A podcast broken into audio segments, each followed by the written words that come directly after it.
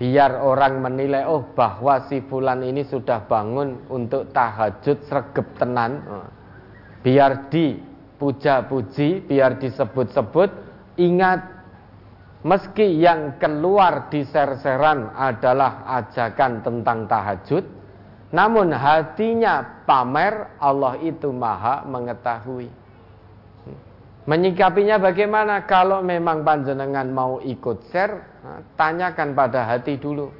Apakah saya pamer atau tidak? Kalau memang murni untuk mengajak, silahkan.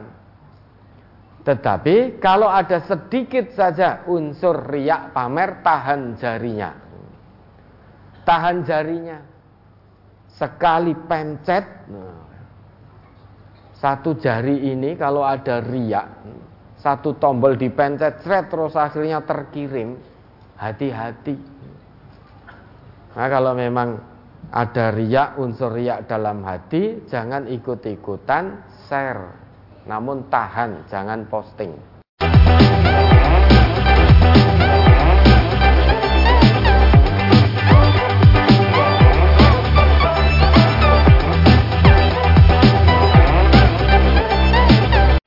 Assalamualaikum warahmatullahi wabarakatuh. Waalaikumsalam Mari dimulai. Bismillahirrahmanirrahim. Ada pertanyaan dari brosur? Ada dua pertanyaan yang masuk dari brosur Ustaz. Iya. Yang pertama dari halaman 6 nah, masuk ke halaman 7. An Abi Hurairah radhiyallahu anhu qala Sami'tu Rasulullah sallallahu alaihi wasallam yaqulu Inna awwalan nasi yuqda yaumal qiyamati alaihi rajulun ustushhida.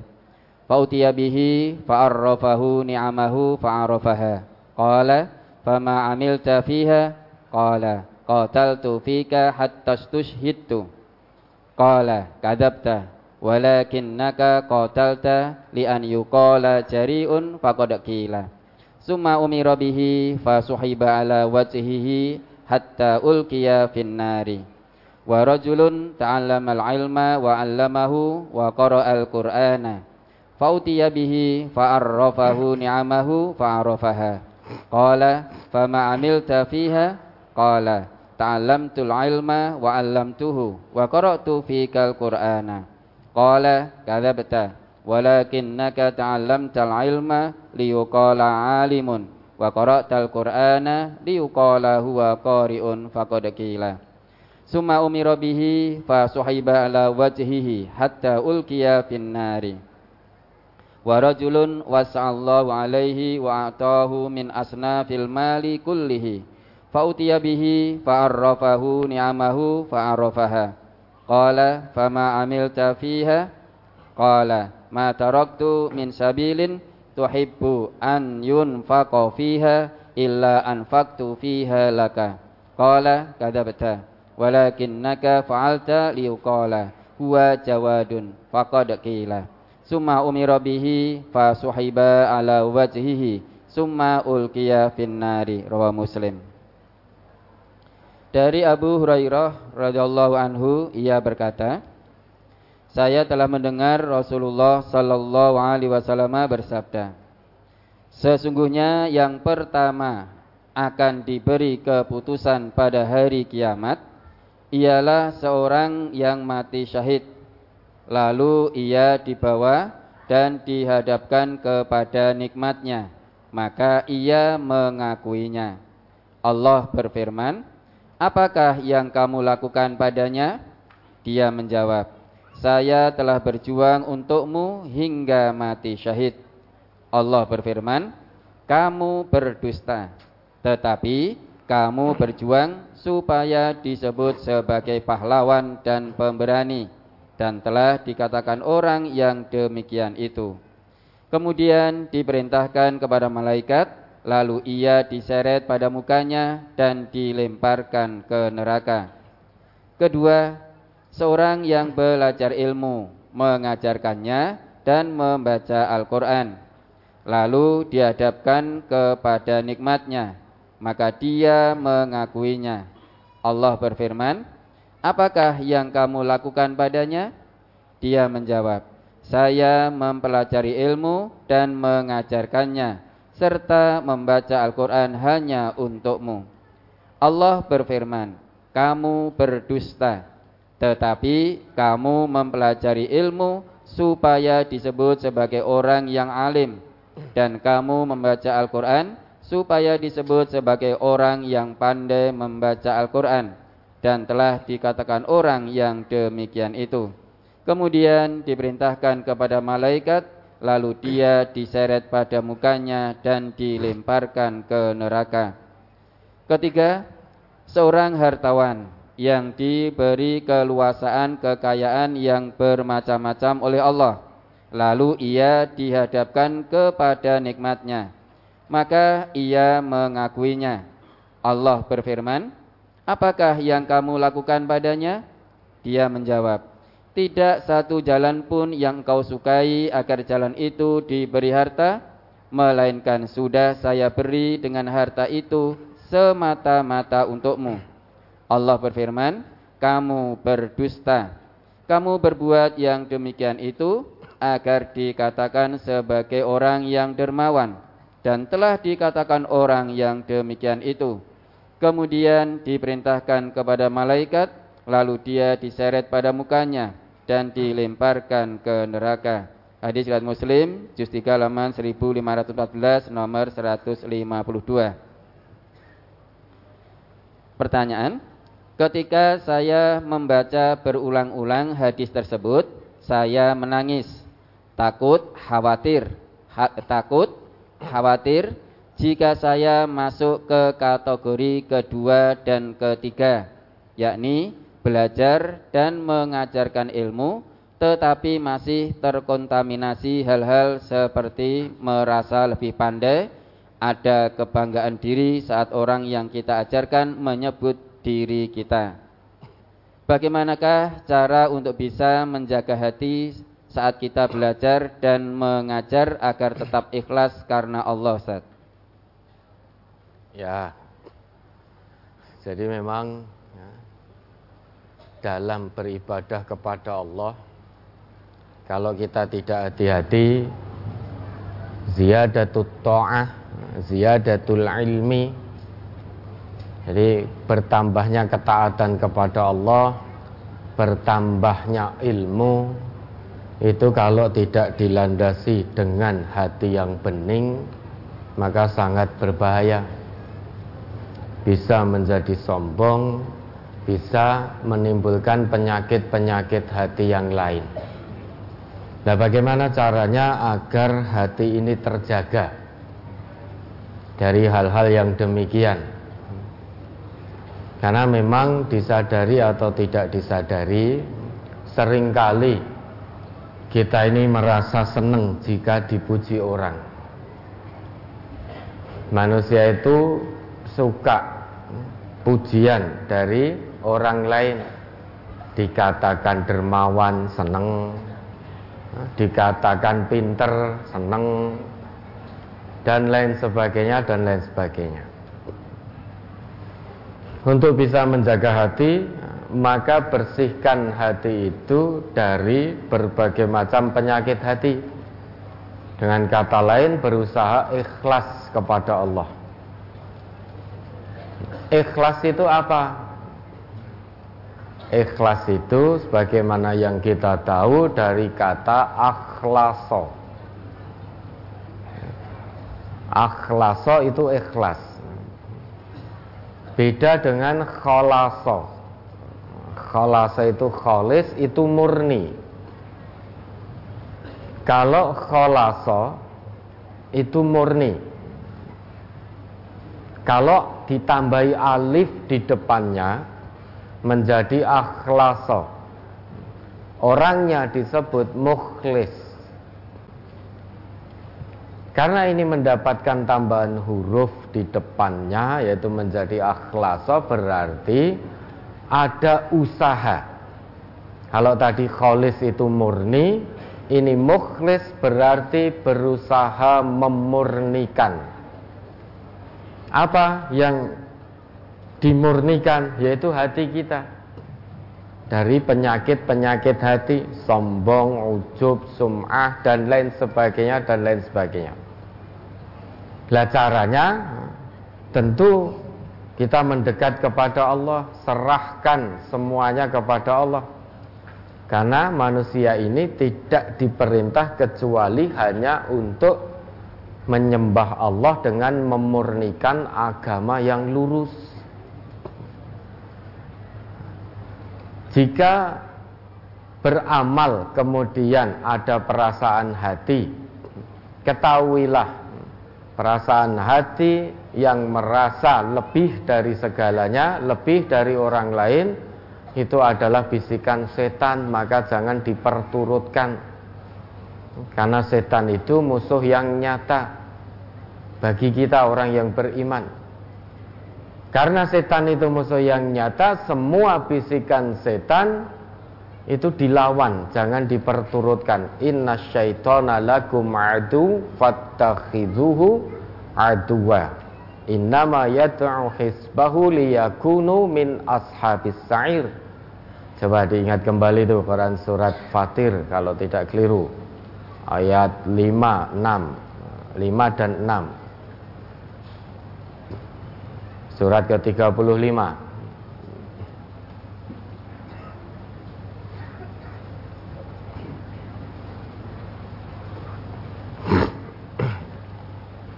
Surat Fatir surat ke-35 ayat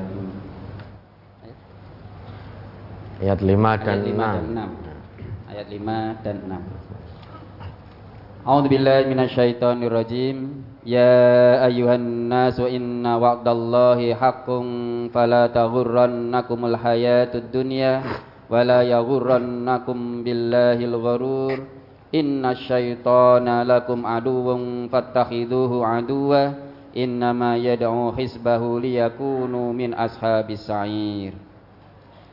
Hai manusia Sesungguhnya janji Allah adalah benar. Maka sekali-kali janganlah kehidupan dunia memperdayakan kamu. Dan janganlah dan sekali-kali janganlah syaitan yang pandai menipu memperdayakan kamu tentang Allah sesungguhnya syaitan itu adalah musuh bagimu maka anggaplah ia musuhmu karena sesungguhnya syaitan-syaitan itu hanya mengajak golongan saya ulangi, karena sesungguhnya syaitan-syaitan itu hanya mengajak golongannya supaya mereka menjadi penghuni neraka yang menyala-nyala. Ya dah. Ayat 6 itu Allah jelaskan pada kita.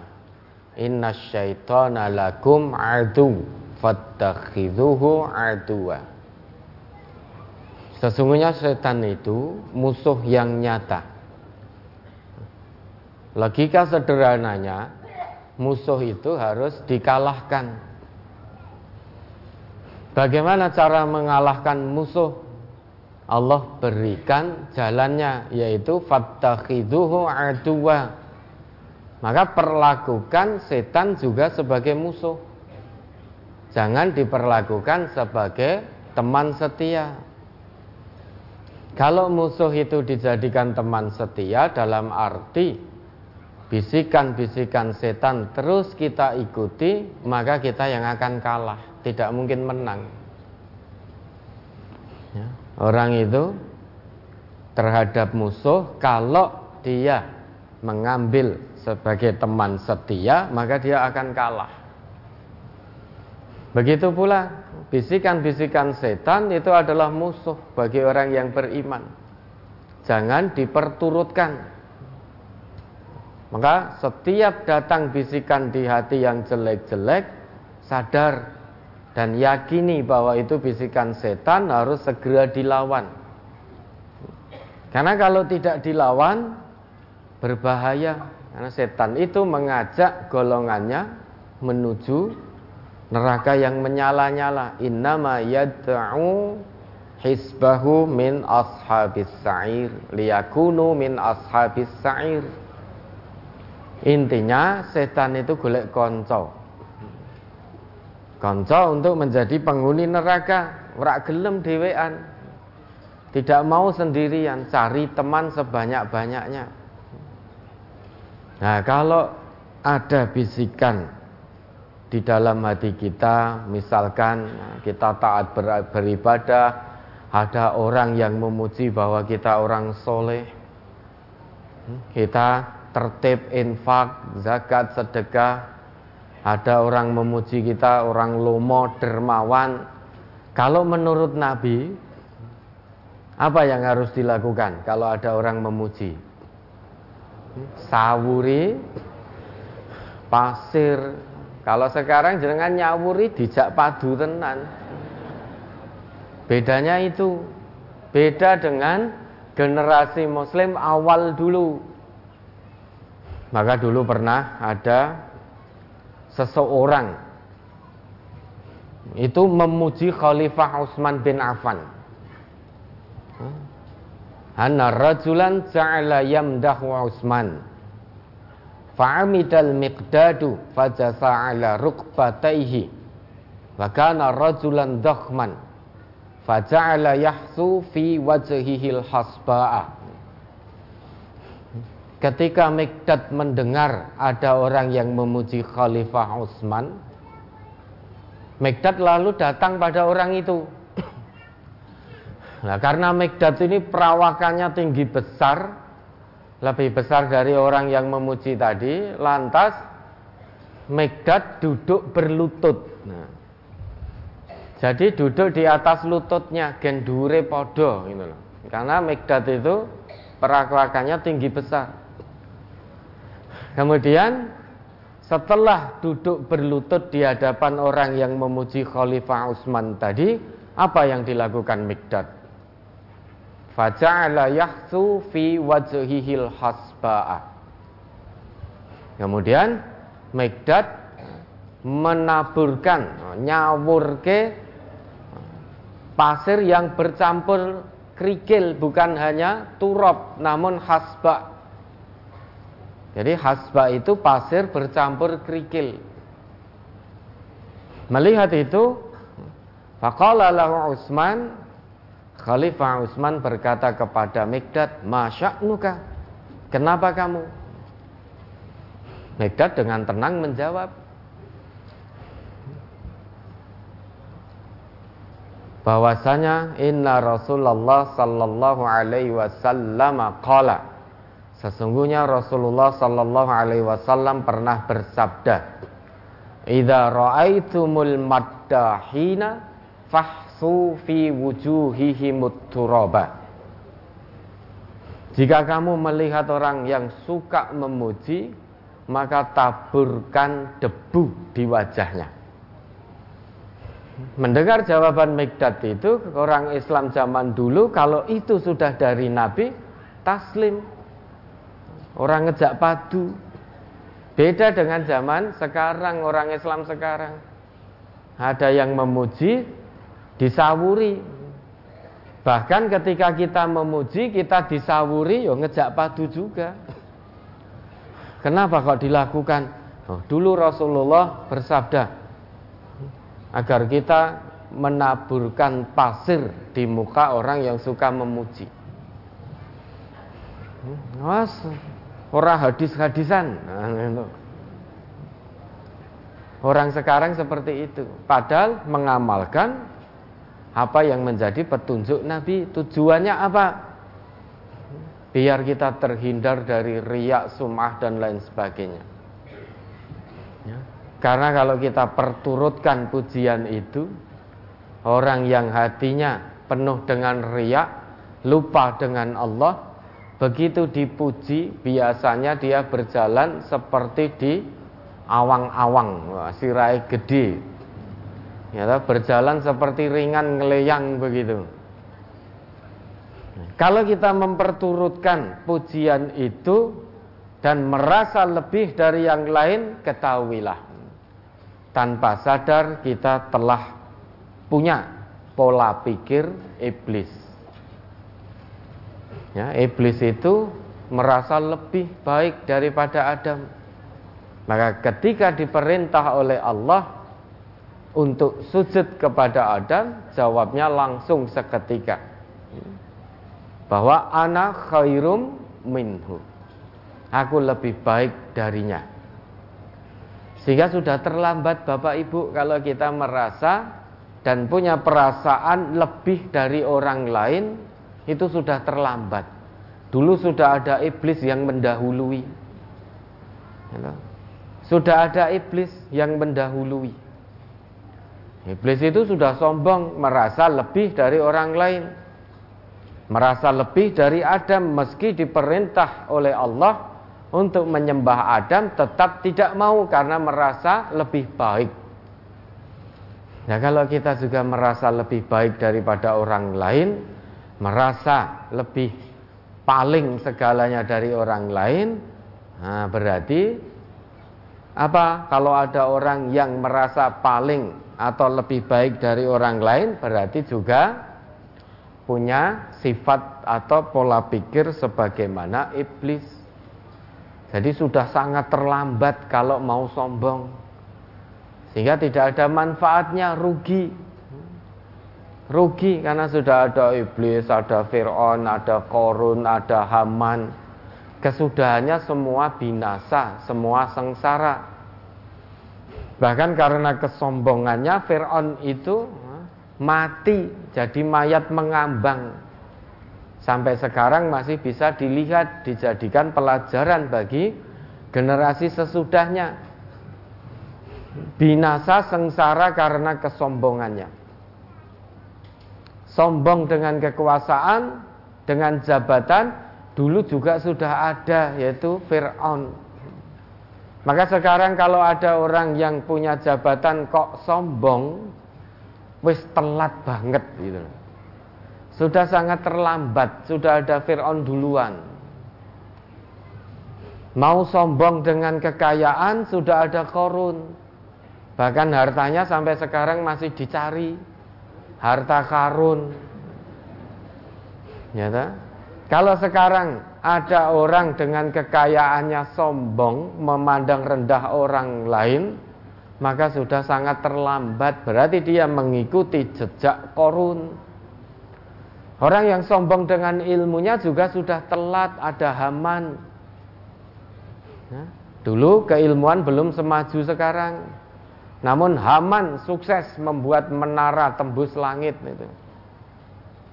Atas permintaan Fir'aun agar Fir'aun bisa melihat Tuhannya Musa. Nah sekarang orang berlomba-lomba mendirikan menara yang tinggi menjulang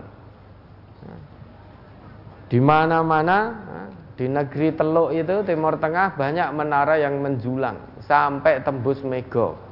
Dulu sudah ada Haman yang kecanggihan ilmunya tidak dipertanyakan lagi. Namun kekuasaan yang dimiliki Fir'aun, kekayaan yang dipunya oleh Korun, ilmu, kecanggihan ilmu yang dimiliki Haman tidak menyebabkan atau tidak menjadikan dirinya taat kepada Allah. Berjalan di atas muka bumi dengan penuh kesombongan, maka kesudahannya sengsara, binasa di dunia, binasa di akhirat. Nah tentu semua hal ini menjadi ibrah pelajaran bagi kita. Bagaimana biar kita tidak sombong, Ya, maka kalau dipuji orang jangan diperturutkan pujian itu. Lawan bahwa itu bisikan setan yang datangnya dari orang. Ya, karena kalau diperturutkan kita seneng, nah nanti sampailah kita terjerumus. Maka ikhlas itu sangat penting, itu hal utama. Nah, ikhlas berarti ada usaha dari diri manusia memurnikan kebaikan atau ibadah yang kita lakukan. Nah, caranya yaitu kalau ada yang memuji sudah jangan senang, jangan diperturukan, ojo bunga. Gitu. Bahkan kalau ada yang memuji, kalau sekarang tidak bisa nyawuri dengan pasir, ya istighfar, mohon ampun kepada Allah. Dan perbanyak mengingat Allah, ala bidzikrillahi tatmainnul kulub biar hati ini tenang. Dipuji hati juga tenang, tidak sombong. Dicaci, direndahkan hati juga tidak tenang, ah, hati juga tenang, tidak nelongso. Karena sudah ikhlas. Ikhlas hanya mengharap ridho Allah. Orang kalau sudah ikhlas itu dipuji, tidak bangga, tidak sombong, direndahkan, tidak merasa hina, tidak tersakiti. Itu orang yang ikhlas karena Allah. Sehingga apa pun kondisi dan situasinya, hatinya tetap tenang.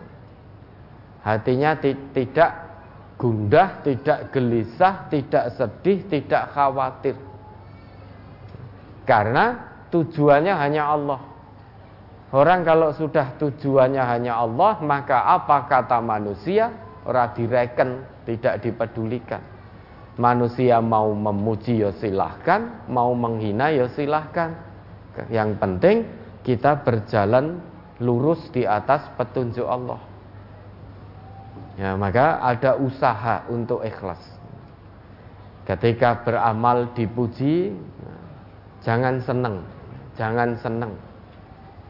Kalau ada hati merasa gembira dipuji, segera mohon ampun kepada Allah. Itu pintu-pintu kesombongan akan dimulai kalau kita dipuji senang. Oke, ada lagi. Ke halaman 5, Ustaz. Hadis di halaman 5. An Abi Umamata Al-Bahili qala Ja'a rajulun ila nabiyyi sallallahu alaihi wasallam faqala Ara'aita rajulan ghaza yaltamisul ajra wa dzikra ma lahu faqala Rasulullah sallallahu alaihi wasallam la syai'a lahu fa'adaha thalatha marratin yaqulu lahu Rasulullah sallallahu alaihi wasallam la syai'a lahu thumma qala innallaha la yaqbalu minal amali illa ma kana lahu khalisan wa batughiya bihi wajhuhu. Rawahu an-nasai. Dari Abu Mamah Al-Bahili ia berkata seorang laki-laki datang kepada Nabi sallallahu alaihi wasallam lalu bertanya bagaimanakah pendapat engkau apabila ada seorang laki-laki berperang untuk mencari pahala dan nama? Lalu apa yang ia dapat maka Rasulullah Sallallahu Alaihi Wasallam bersabda, ia tidak mendapatkan apa-apa. Orang itu mengulangi pertanyaannya sampai tiga kali, dan Rasulullah Sallallahu Alaihi Wasallam menjawab, ia tidak mendapatkan apa-apa. Kemudian beliau bersabda, sesungguhnya Allah tidak mau menerima amal kecuali amal yang dilakukan dengan ikhlas karena Allah dan mencari keridoannya. Hadis riwayat Nasai juz 6 halaman 25.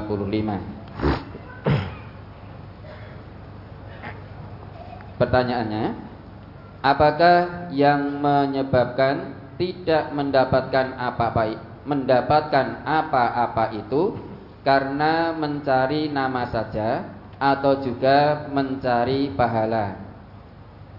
Tidak dibolehkan. Saya ulangi Ustaz.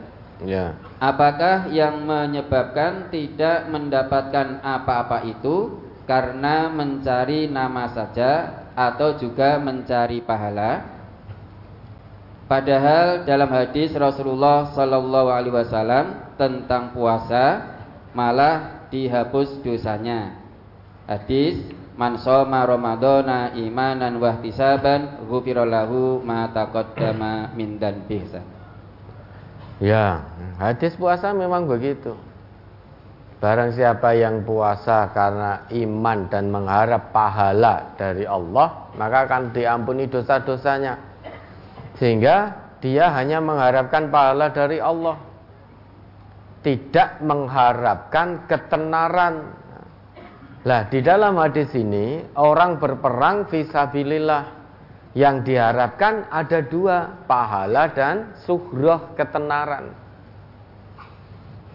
Sehingga yang diharapkan ada dua juga mengharap pahala dari Allah dan juga biar dikatakan pahlawan. Biar disebut-sebut kepahlawanannya.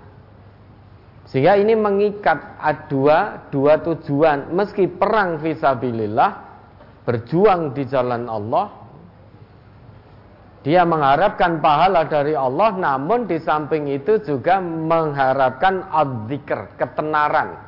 Biar disebut-sebut Ya, ini bukan hanya dalam perang saja. Apa pun yang kita lakukan dari kebaikan, kalau tujuannya adalah pahala dan ketenaran, pahala dan sebutan, maka hangus amal kita. Kalau mengharap pahala dari Allah, sudah titik mengharap pahala dari Allah.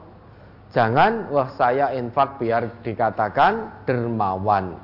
Saya dapat pahala dan disebut-sebut oleh orang sebagai dermawan. Maka tidak akan mendapatkan apa-apa. La syai'alahu. Maka kalau mengharap pahala dari Allah sudah titik ikhlas karena Allah. Orang mau menyebut atau tidak menyebut, nah, tidak masalah wong ikhlas karena Allah. Sementara ada sebagian orang infak, zakat, sedekah itu ingin mendapatkan pahala dari Allah, namun juga ingin disebut-sebut oleh tetangganya, oleh temannya, sehingga malamnya infak orang nek sing ngerti esoke cerita-cerita ke tetangga delalah sama-sama pas beli sayur. Wah semalam ibu-ibu nah, Karena yang beli sayur biasanya ibu-ibu. Semalam Alhamdulillah saya bisa transfer infak Untuk pondok pesantren. Untuk media dakwah. Alhamdulillah Allah bukakan hati saya untuk berlomba dalam kebaikan. Padahal nggak ada pertanyaan. Nggak ada yang tanya. Nah kalau gitu teman bicaranya delalah jawab sinten sing tanglet bu. Itu merasa sakit hati. Karena ini tujuannya juga biar disebut-sebut.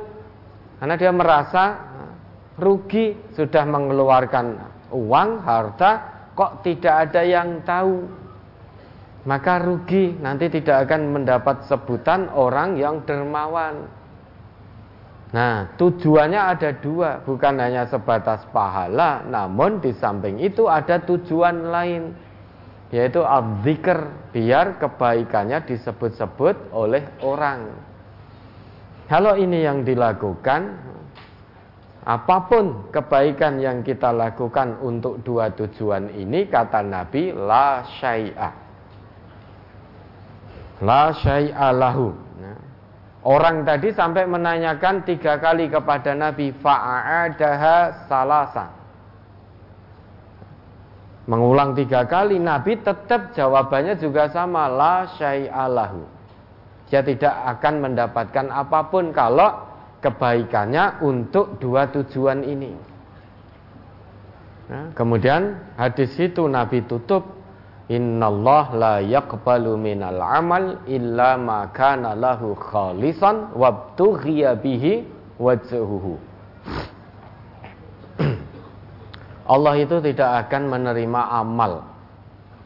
Kecuali amal itu khalison ikhlas dilakukan karena Allah bukan karena ketenaran.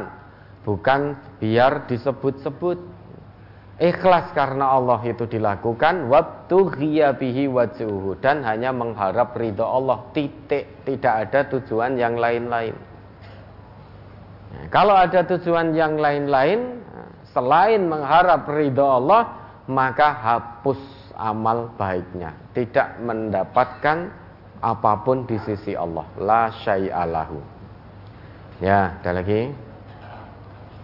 Halaman 7 masuk ke halaman 8 An Ibni Abbasin qala qala Rasulullah sallallahu alaihi wasallam man sam'a sam'allahu bihi wa man ra'a ra'allahu bihi rawi Muslim Dari Ibnu Abbas ia berkata Rasulullah sallallahu alaihi wasallam bersabda Barang siapa memperdengarkan amal kepada orang lain maka Allah akan memalukannya di hari kiamat dan barang siapa berbuat riak maka Allah akan membalas riaknya itu. Hadis riwayat Muslim. Pertanyaan, mohon dijelaskan barang siapa yang memperdengarkan amal kepada orang lain maka Allah akan memalukannya di hari kiamat. Ya sudah sangat jelas itu sehingga kita beramal Kemudian kita ceritakan ceritakan pada orang lain biar orang lain dengar amal baik kita. Kalau itu yang kita lakukan dengan tujuan riak, maka Allah akan memalukan kita. Allah akan memperdengarkan kepada manusia bahwa amal yang dilakukan oleh fulan itu bukan untuk Allah. Tetapi untuk dipuji. Misalkan ya, ya tadi contoh yang paling nyata yang sangat potensi untuk riak itu ibadah-ibadah yang ada kaitannya dengan materi. Haji, umroh, mangkat haji kok renek sing ngerti rugi. Ora disebut Pak Haji, nggak disebut Bu Hajah. Sudah mengeluarkan biaya yang besar, kok tidak ada yang tahu. Kemudian hatinya dibisiki oleh setan cerita oh, bendo ngerti. Cerita. Oh, mbok ora nek sing takon ning cerita nek kowe arep haji. Nah, lantas yang awalnya ikhlas karena Allah kemudian termakan oleh bujuk rayu setan sehingga cerita ke mana-mana nyuwun doane nggih besok saya mau berangkat haji. Apa ndak boleh pamitan? Boleh pamitan, tapi hati-hati. Ya. Hati ini harus ditata betul. Kalau tidak di, bisa menjaga hati, sekalipun pamitan mau berangkat haji, bisa-bisa sum'ah kita. Infak, sedekah juga begitu. Kalau tujuannya mengajak orang lain, memotivasi orang lain agar beramal sebagaimana yang dia lakukan, agar juga mau infak sedekah, maka tidak apa-apa. Intu betus sodakoti fani'imahi. Wa in tukhfuha wa tu'tuhal fuqara'a fawa khairul lakum. Saya diingat itu Al-Baqarah 271.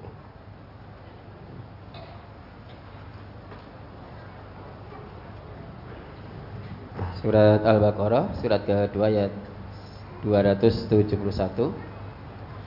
Wa in in tubadus sadaqati fa ni'mahi wa in tuhfuha wa tu'tuhal fuqara fa huwa khairul lakum wa yukaffiru ankum min sayyi'atikum wallahu bima ta'maluna khabir.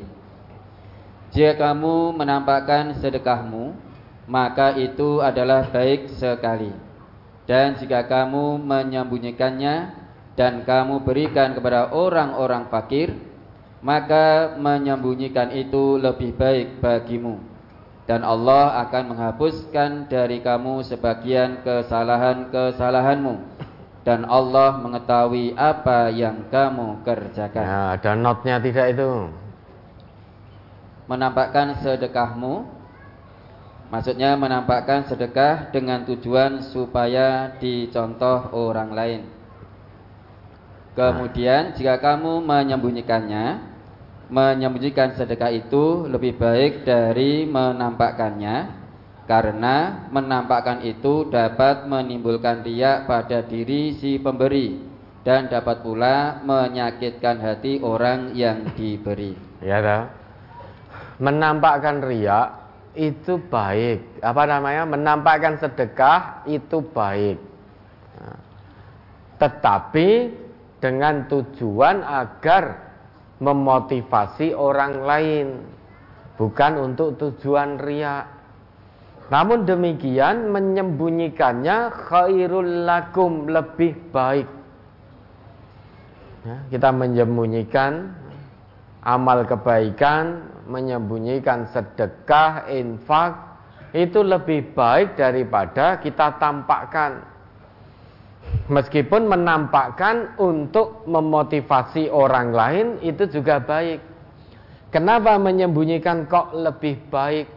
Karena menampakkan itu meski awalnya untuk memberi contoh pada orang lain, namun kalau iman masih lemah, nanti akan menjadi riak dan menyakiti hati si penerima.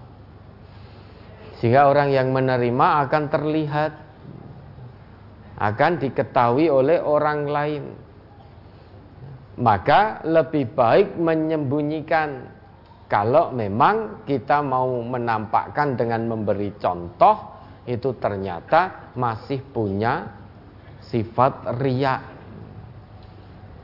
Oleh Allah kita diberi cara kalau memang tidak bisa memotivasi, memberi contoh yang akan berujung pada riak, lebih baik disembunyikan. Lah, memperdengarkan amal tadi tentu yang akan dipermalukan oleh Allah adalah orang yang memperdengarkan amal bukan tujuan untuk dicontoh, namun untuk pamer, untuk riak.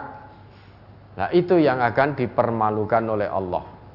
Adapun orang yang memperdengarkan amal dengan tujuan mengajak orang lain jauh dari kata riak, pamer dan sum'ah, maka tentu tidak akan dipermalukan oleh Allah yang dipermalukan oleh Allah yaitu orang yang menceritakan kebaikannya pada orang lain dengan tujuan pamer.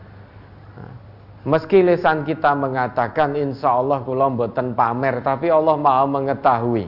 Wallahu bima ta'maluna khabir. Allah maha mengetahui apa yang kamu lakukan. Sekalipun lisan kita mengatakan insya Allah bukan untuk tujuan riak dan pamer insya Allah hati saya ikhlas apa yang ada dalam hati ini Allah maha mengetahui sehingga lesan menyatakan eh, tidak riak namun kalau hatinya riak Allah tidak bisa ditipu. Kalau manusia masih bisa ditipu. Karena manusia itu melihat zohirnya saja. Kalau dia ngaku tidak riak mosok kita akan nelesih-nelesih mosok ra riak? Tenane mosok ora pamer. Dari mana kita akan tahu isi hati orang lain maka nahnu nahkumu bidzohir. Kita itu menghukumi dari tata lahirnya. Kalau orang sudah mengaku tidak riak ya sudah. Kita kedepankan husnudon. Namun jika ternyata lesannya mengatakan tidak pamer hatinya mengatakan pamer Allah itu khabir maha teliti maha mengetahui apa yang ada dalam hati kita. Jangankan yang kita tampakkan yang tersembunyi sekalipun yang belum kita tampakkan belum kita omongkan Allah itu sudah maha mengetahui. Maka hati-hati. Hati-hati sekali ini terkait dengan riak ya. Kan sering kali ada manusia cerita dengan orang lain, cerita tentang kekayaan, cerita tentang kemewahan, cerita tentang kenikmatan yang didapat. Meski awalnya dibuka dengan kalimat-kalimat seolah-olah itu tidak untuk pamer, untuk tidak sombong. Ini contoh bapak-bapak gendi kalau tadi ibu-ibu ya. Dengan perso mboten Pak. Ini maksud kula bukan tujuan sombong leh ini. Niki demi Allah, saya tidak sombong. Saya tidak sombong, ini hanya tahadus bin nikmah. Alhamdulillah kemarin saya diberi rezeki oleh Allah sehingga sekarang saya bisa beli mobil. Ini ki mboten sombong leh, bukan sombong. Jenengan ampun suudzon. Jangan ampun suudon ini bukan sombong. Lah itu mobilnya baru saya beli di sana. Jenengan nanti kalau beli saya antar pak. No, saya sudah kenal baik dengan orang di dealer itu. Padahal dia cerita pada orang yang tidak punya mobil. Maka orang yang punya mobil jangan menceritakan mobilnya pada orang yang tidak punya mobil. Itu bentuk kita menjaga satu dengan yang lain. Orang yang gajinya besar jangan cerita tentang gajinya pada orang yang gajinya pas-pasan, pas butuh, pas enek. Taruhlah gajinya sebulan misalkan 30 juta. Yang satu hanya satu juta, cerita. Wah, ndek wingi kula bar gaji, Pak, niki. Slip gaji saya 30 juta. Sing diajak cerita orang yang oleh Allah dicukupkan sebulan satu juta. Nah, orang ini tidak bijaksana. Sedangkan nasihatnya kalimin nas ala qadri ukulihim. Bicara dengan lawan bicaramu sesuai dengan kadar kemampuannya.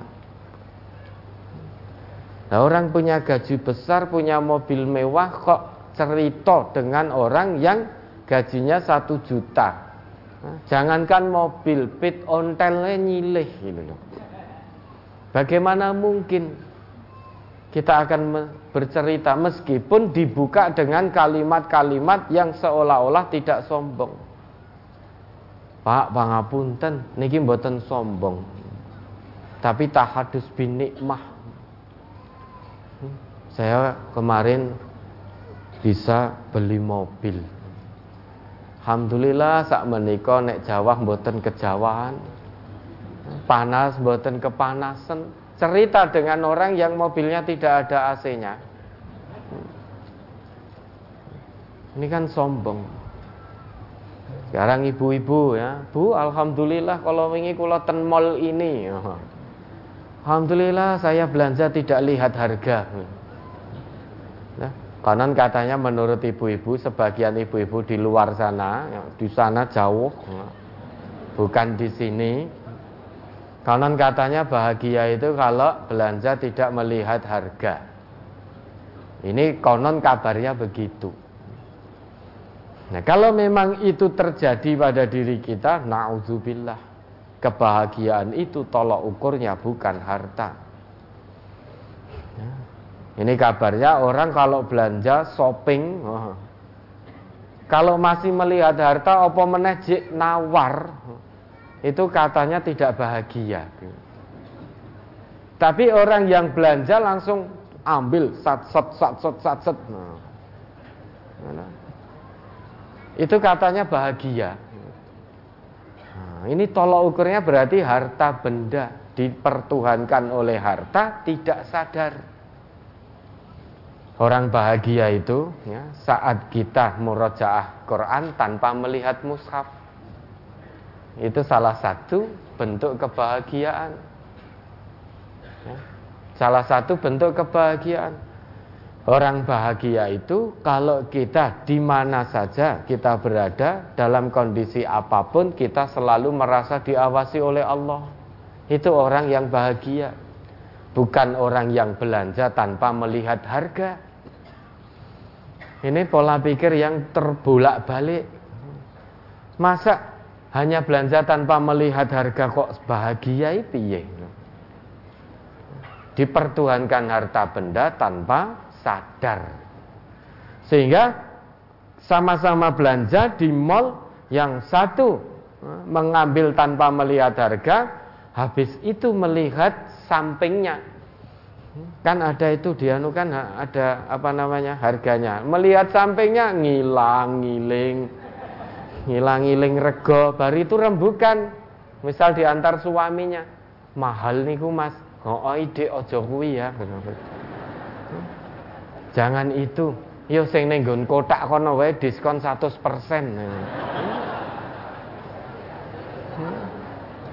Lah, yang belanja tanpa melihat harga tadi kebetulan melihat dan mendengar. Muncul kesombongan.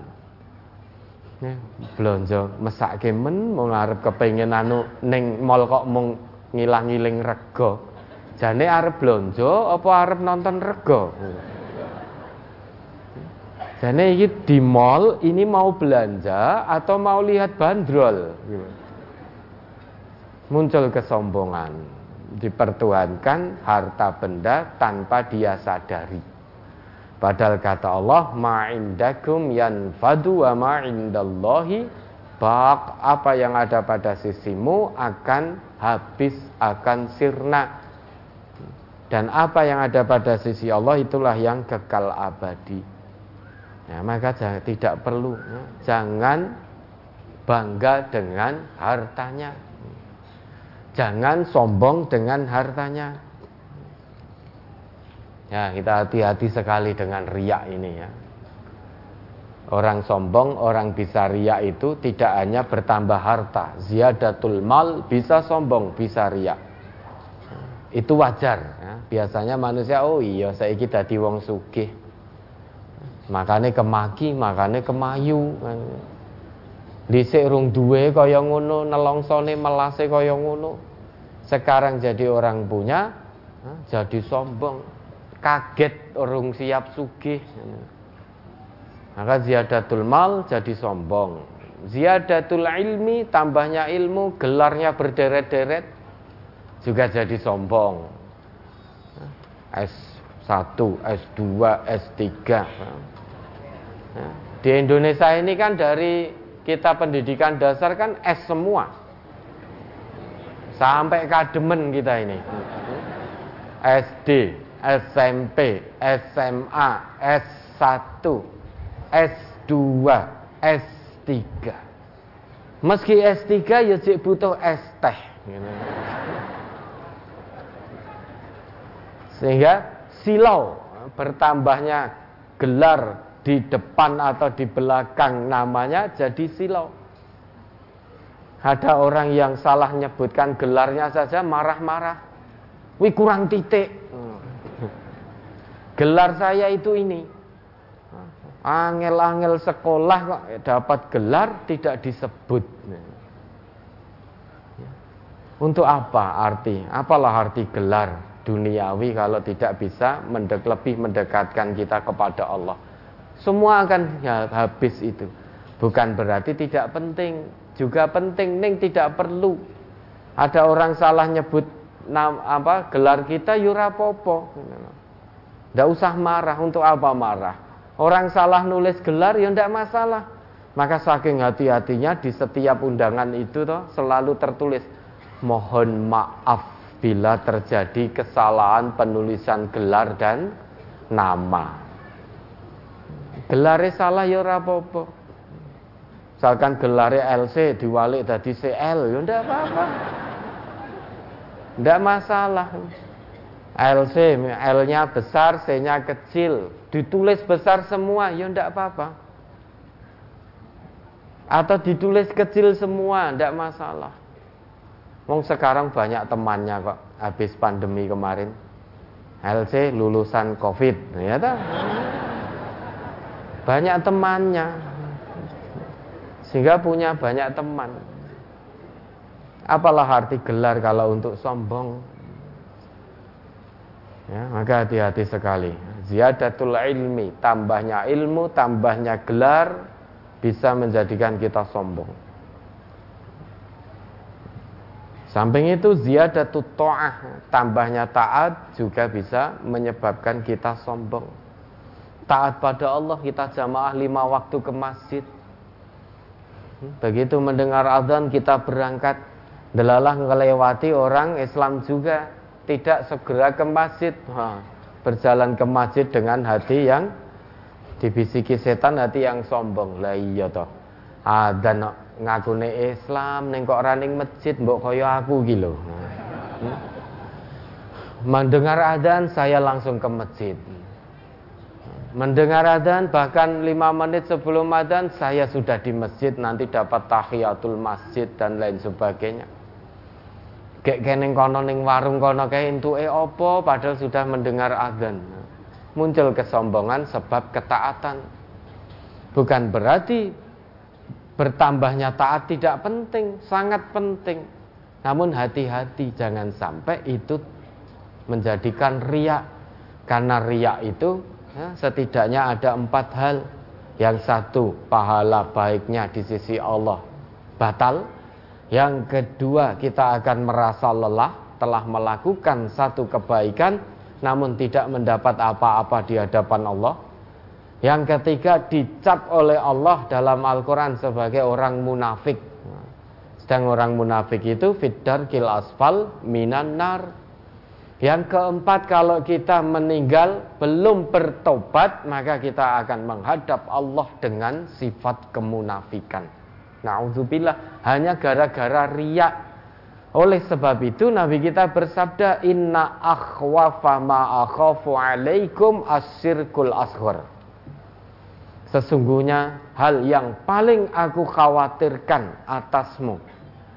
Sehingga yang paling Nabi khawatirkan terhadap umatnya adalah asyirkul asghar, yaitu sirik kecil.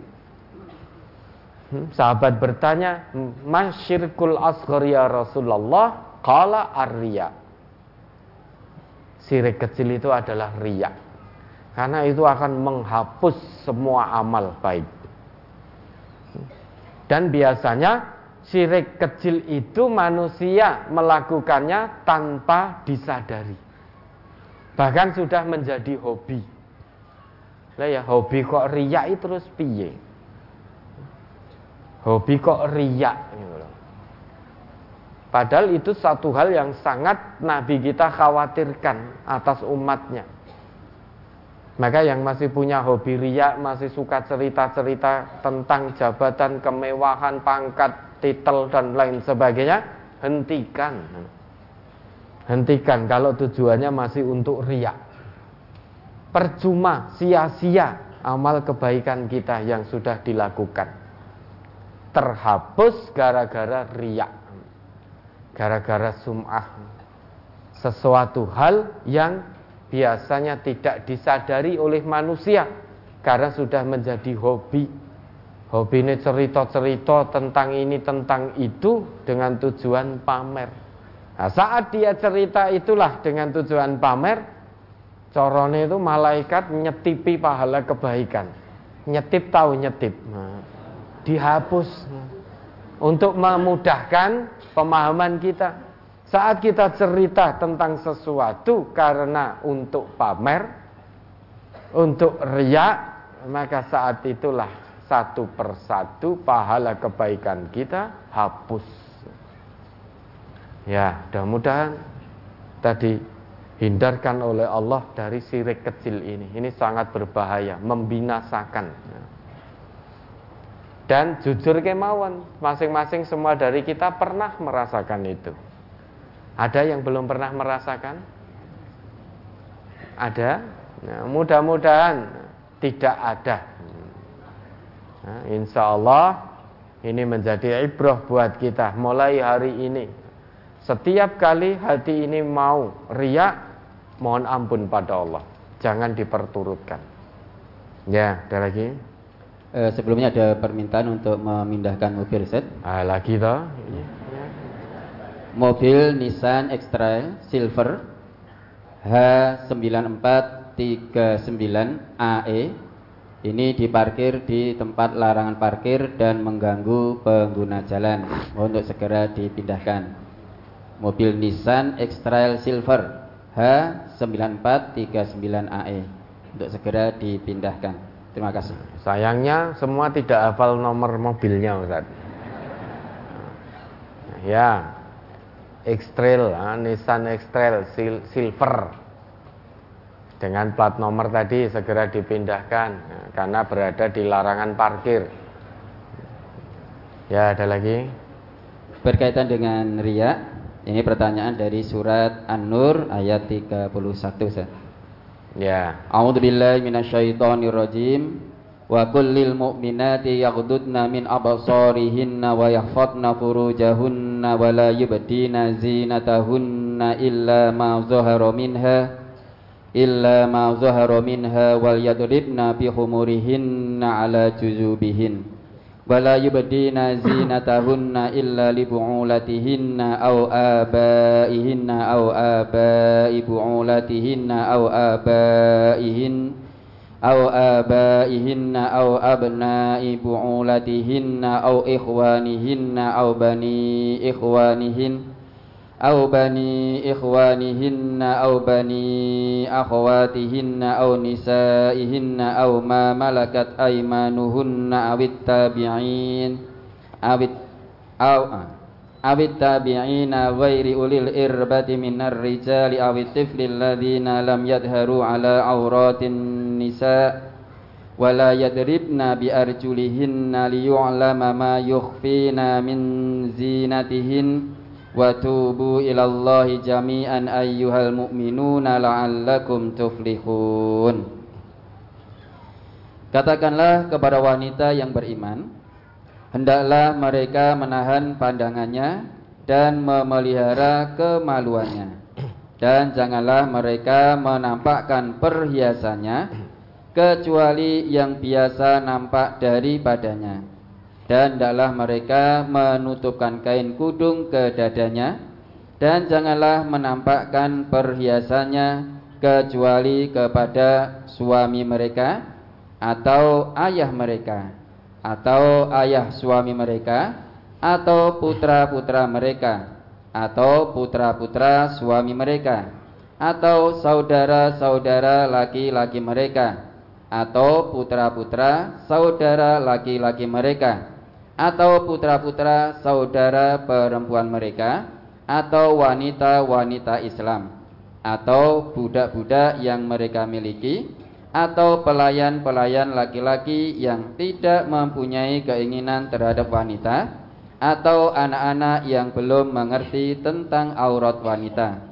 Dan janganlah mereka memukulkan kaki agar diketahui perhiasan yang mereka sembunyikan dan bertaubatlah kamu sekalian kepada Allah Hai orang-orang yang beriman Supaya kamu beruntung Berkaitan dengan ayat tersebut Yang dimaksud pada Yang dimaksud perhiasan pada ayat tersebut Apakah jam tangan dan bros yakni hiasan kudung Juga termasuk perhiasan dan apakah menampakkan barang-barang tersebut juga termasuk perbuatan riak Ustaz?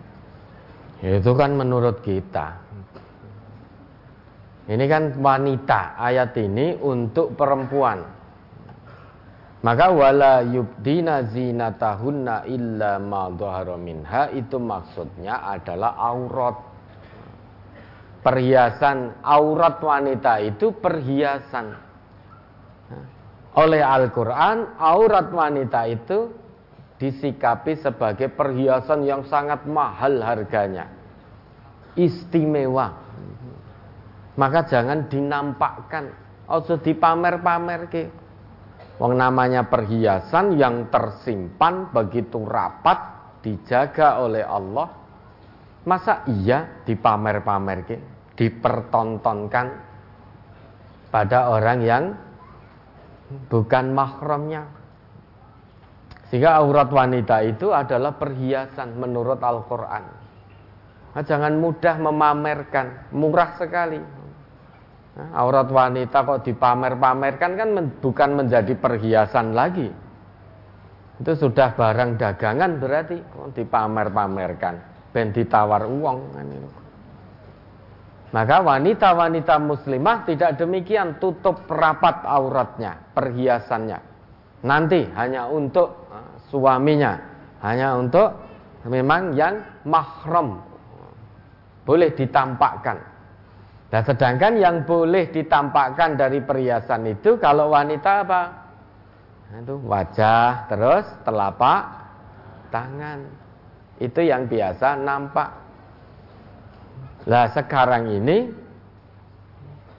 ketok eh ya pakai baju muslimah jilbaban Neng kalung emasnya taruh di luar banyak.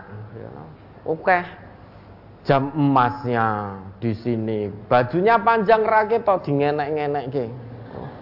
Wah, kok sumuk mentoki. Biar kelihatan. Kalau ndak itu ngawe temannya, Bu, ke sini, wah gen muni. Itu agar orang tahu. Lebih dari itu, kakinya juga dikasih. Kasih perhiasan. dan enek suarane gen orang melihat kalau jalan kerincing kerincing kerincing wijane suara apa? Oh sikile enek emase. Nah, itu akhirnya pamer. Padahal yang dimaksud perhiasan dalam ayat ini adalah aurat. Aurat perempuan. Jangan ditampak-tampakkan eman-eman Wong itu perhiasan yang sangat istimewa. Siapa pun tidak boleh menyentuh kecuali nanti suami halalnya. Maka dijaga betul oleh Allah perhiasan ini. Nah, kalau Allah menjaga perhiasan yang sangat istimewa, kenapa banyak wanita yang dengan murah menampakkan receh sekali menampakkan auratnya tidak bersyukur kepada Allah. Punya dianugerahi oleh Allah perhiasan yang sangat mahal harganya. Tidak sembarang orang bisa memilih menjamah dan lain sebagainya. Hanya orang-orang khusus nah, nanti yang menjadi pintu halalnya yang boleh menjamah yang boleh melihat. Lah kok sekarang malah diperlihatkan kepada khalayak rame jadi properti publik. Nauzubillah. Ya, orang-orang muslimah yang ngaji ini dijaga betul, ya. dijaga betul perhiasan yang sangat mahal harganya ini. Tidak semua orang diizinkan oleh Allah demok we loh. Kalau ditampakkan berarti semua orang melihat. Ini oleh Allah melihat saja tidak boleh. Hanya orang-orang khusus yang boleh melihat. Nah, nanti kalau ditampakkan, nah ya semua orang melihat. Semua orang akan melihat perhiasan, maka tidak menjadi perhiasan lagi. Jadi ya, barang murah sekali. Nah ini maksudnya itu aurat, nah, bukan jam tangan, bukan kalung, bukan ini itu dan lain sebagainya. Ya, ada lagi. Di grup WA sering sekali saudara kita memposting ajakan untuk sholat tahajud, puasa sunnah, yakni sahur, sholat duha dan lain-lain. Apakah itu berbahaya? Bagaimana menyikapi hal tersebut, Ustaz? Nah itu kalau memang itu motivasi mengingatkan orang lain utamanya mengingatkan dirinya sendiri dulu, kemudian mengajak orang lain, itu baik. Namun jika share-share di grup WA niatnya biar orang menilai oh bahwa si fulan ini sudah bangun untuk tahajud sregep tenan biar dipuja-puji biar disebut-sebut ingat Meski yang keluar di ser-seran adalah ajakan tentang tahajud, namun hatinya pamer, Allah itu maha mengetahui. Menyikapinya bagaimana? Kalau memang panjenengan mau ikut share, tanyakan pada hati dulu. Apakah saya pamer atau tidak? Kalau memang murni untuk mengajak, silahkan. Tetapi kalau ada sedikit saja unsur riak pamer tahan jarinya. Tahan jarinya. Sekali pencet satu jari ini kalau ada riak satu tombol dipencet seret terus akhirnya terkirim hati-hati. Nah kalau memang ada riak unsur riak dalam hati jangan ikut-ikutan share namun tahan, jangan posting. Ya, menyikapinya yaitu kembali kepada dirinya masing-masing. Nah, terkait saudara kita yang posting-posting itu, ya kita husnudon, alhamdulillah diingatkan. Jangan terus husnudon, kemudian kita jabri, kamu posting-posting ini, kamu riak ya, sombong ya, pamer ya. Dari mana kita tahu postingannya mengandung unsur riak? Kan kita tidak tahu apa isi hati orang yang memposting tadi. Sedangkan Allah Maha mengetahui. Kalau yang memposting ada unsur riak pamer sombong, itu urusannya dengan Allah. Yang penting kita diingatkan dengan tahajud, sedekah dan lain sebagainya. Kita bersyukur mungkin selama ini kita lalai tidak mendekat kepada Allah, kita menjadi orang yang bakhil, kemudian membaca postingan itu hati menjadi terbuka. Perkara yang posting itu ikhlas karena Allah atau ada riaknya urusan yang posting dengan Allah, bukan urusan kita.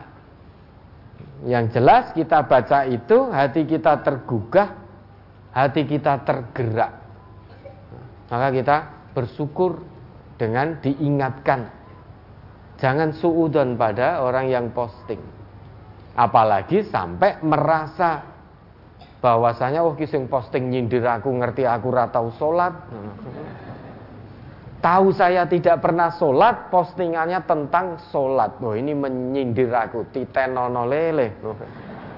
Eh, sholat lagi sesasi neng masjid wis sombongnya rakaruan. Nah. Ini berarti perasaan hati ini dia bedek dewi. Ya itu tadi tidak ada pertanyaan yang dia jawab sendiri. Nah ini hati-hati menyikapinya ya kita bersyukur ada saudara kita yang mengingatkan. Perkara postingan itu mengandung unsur riak dari yang posting atau bukan urusan yang posting dengan Allah.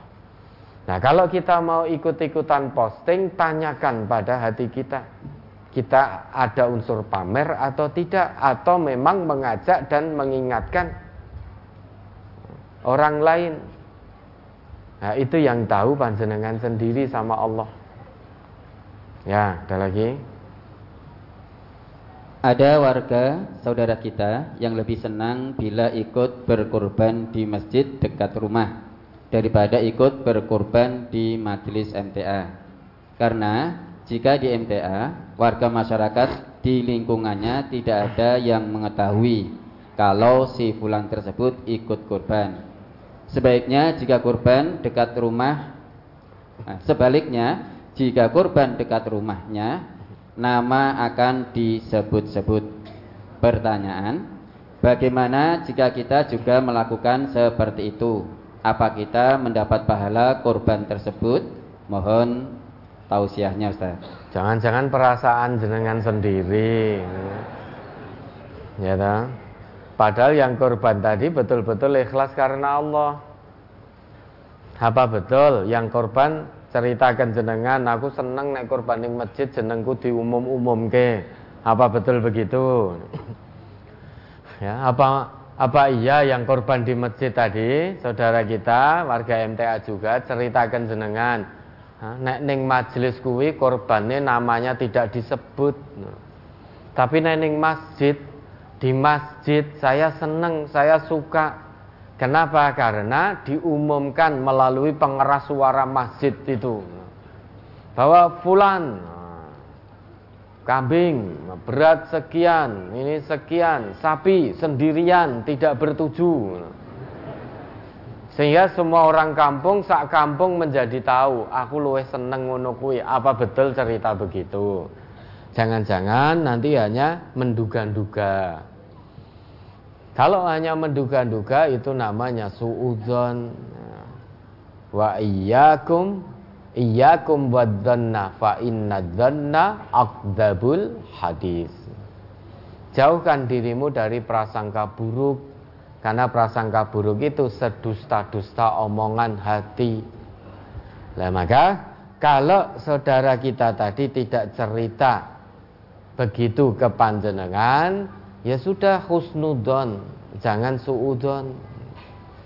Kita tidak tahu isi hatinya. Kecuali kalau saudara tadi cerita ngaku bahwa lebih senang di masjid karena namanya disebut-sebut lah. Kalau memang demikian kewajiban jenengan memberikan nasihat. Memberikan nasihat tujuan korban itu bukan dagingnya, bukan darahnya sampai pada Allah namun tujuannya takwa Orang yang takwa itu tidak senang pamer, tidak suka ketenaran. Melakukan satu ibadah tujuannya untuk Allah, bukan agar disebut-sebut di kampung itu.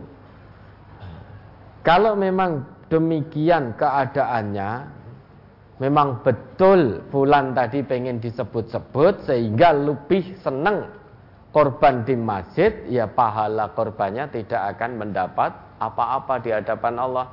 Es kelangan duit gue tuku wedus, gue tuku sapi, tetapi tidak dapat pahala di sisi Allah hanya gara-gara seneng namanya disebut-sebut di masjid sehingga orang satu kampung menjadi tahu. Maka dia akan kehilangan nilai kebaikan, ketakwaan di sisi Allah menjadi hapus, hangus. Ya, ada lagi. Dari brosur Ustaz, halaman 2 di surat Ali Imran. Saya baca dari ayat 16 dan 17. Alladzina yaquluna rabbana innana amanna faghfir lana dhunubana wa qina adzabannar as-sabirina was-sadiqina wal qanitina wal munfiqina wal mustaghfirina bil ashar yaitu orang-orang yang berdoa ya Tuhan kami sesungguhnya kami telah beriman maka ampunilah segala dosa kami dan peliharalah kami dari siksa neraka yaitu orang-orang yang sabar yang benar yang tetap taat yang menafkahkan hartanya di jalan Allah dan yang memohon ampun di waktu sahur. Ali Imran ayat 16 17 mohon eh, mohon ampunan di waktu sahur Mohon dijelaskan apakah ini sama waktunya dengan waktu sholat tahajud atau saat kita makan sahur bisa diteruskan dengan bermunajat mohon ampun kepada Allah Ustaz. Ya, waktu sahur itu kapan? Waktu menjelang subuh itu namanya waktu sahur. Kalau menurut Nabi di waktu sahur itu antara sahur dengan subuh itu kurang lebih kita membaca 50 ayat Al-Quran. Namun apakah boleh kita munajat pada Allah ketika waktu tahajud? Boleh memang begitu. Setelah tahajud nah, Kemudian mohon ampun kepada Allah sampai Datangnya waktu subuh. Itu insya Allah termasuk dalam ayat ini. Sehingga tidak usah mempersulit diri Waktu sahur memang secara ininya dia di waktu menjelang subuh itu. Namun jika kita sesudah sholat tahajud selesai kemudian teruskan dengan zikrullah mohon ampun kepada Allah sampai datangnya waktu subuh. Jangan tidur lagi. habis tahajud manfaatkan waktu untuk zikrullah. Jangan tidur lagi. Nah terus saya ngantuk ini. Nanti kalau tidur lagi subuh kelewat nih. Maka dimanfaatkan betul dalam kebaikan. Apa yang dijanjikan oleh Allah maksimalkan ditempuh. Meskipun tidur lagi juga tidak salah. Namun tentu kebaikan ingin kita ingin mendapatkan kebaikan. Habis tahajud, sepertiga malam, selesai kemudian zikrullah gunakan untuk qiyamul lail yang lain dengan kiraatul Quran atau dengan zikrullah atau dengan yang lain-lain aktivitas untuk mengingat Allah. Bisa zikrullah bisa mohon ampun pada Allah bisa baca Al-Quran. Habis tahajud bisa digunakan untuk qiyamul lail yang lain. Qiyamul lail itu tidak mesti sholat ya. Qiyamul lail itu menghidupkan malam itu tidak mesti sholat. Ya mulai itu bisa dengan membaca Al-Quran, bisa dengan zikrullah, bisa dengan hal-hal lain yang memang aktivitas itu mengingatkan kita kepada Allah. Di samping sholat, kalau sholat sudah jelas itu. Sholat itu ya isinya zikrullah, isinya mohon doa, mohon ampun pada Allah dan lain sebagainya dan lain sebagainya. Namun setelah sholat di tunaikan bisa qiyamul lail yang lain dengan membaca Al-Qur'an, murojaah dan lain sebagainya dan lain sebagainya. Ya, ada lagi. Brosur halaman 3. An Abi Hurairah radhiyallahu anhu qala qala Nabi sallallahu alaihi wasallam yaqulullahu ta'ala ana 'inda dhanni 'abdi bi wa ana ma'ahu idza dzakarani fa in dzakarani fi nafsihi dzakartuhu fi nafsi. Wa in dzakarani fi mala'in dzakartuhu fi mala'in khairin minhum. Wa in taqarraba ilayya bi shibrin taqarrabtu ilaihi dhira'an. Wa in taqarraba ilayya dhira'an taqarrabtu ilaihi ba'an. Wa in atani yamshi ataituhu harwalatan. Rawal bukhari. Dari Abu Hurairah radhiyallahu ia berkata Nabi sallallahu alaihi wasallam bersabda Allah taala berfirman aku menurut persangkaan hambaku terhadapku dan aku besertanya apabila ia mengingatku maka jika ia mengingatku di hatinya aku pun mengingatnya pada diriku jika ia mengingat atau menyebutku pada sekumpulan orang, maka aku menyebutnya dalam sekumpulan yang lebih baik daripada mereka. Dan jika ia mendekat kepadaku sejengkal, maka aku akan mendekat kepadanya sehasta. Jika ia mendekat kepadaku sehasta, maka aku akan mendekat kepadanya sedepan.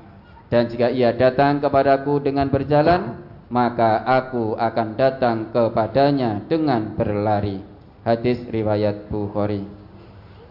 Mohon penjelasan pada kalimat jika ia jika ia mengingat atau menyebutku pada sekumpulan orang, maka aku akan menyebutnya dalam sekumpulan yang lebih baik daripada mereka. Lah orang itu ya, kalau mengingat Allah dalam sekumpulan orang banyak artinya ada orang lain tidak dalam kesendirian. Dia ingat Allah di khalayak rame, di tengah-tengah orang rame, dia tetap ingat kepada Allah, maka Allah akan menyebut-nyebut orang itu di sekumpulan yang lebih baik daripada kumpulan orang-orang itu. Nah, dalam hal ini alul ilmi mengatakan bahwa sekumpulan malaikat kecuali nah, tentu kumpulan orang-orang tadi tidak ada nabi, tidak ada rasul karena rasul dan nabi itu lebih baik daripada malaikat. Nah, artinya itu ya manusia biasa seperti kita.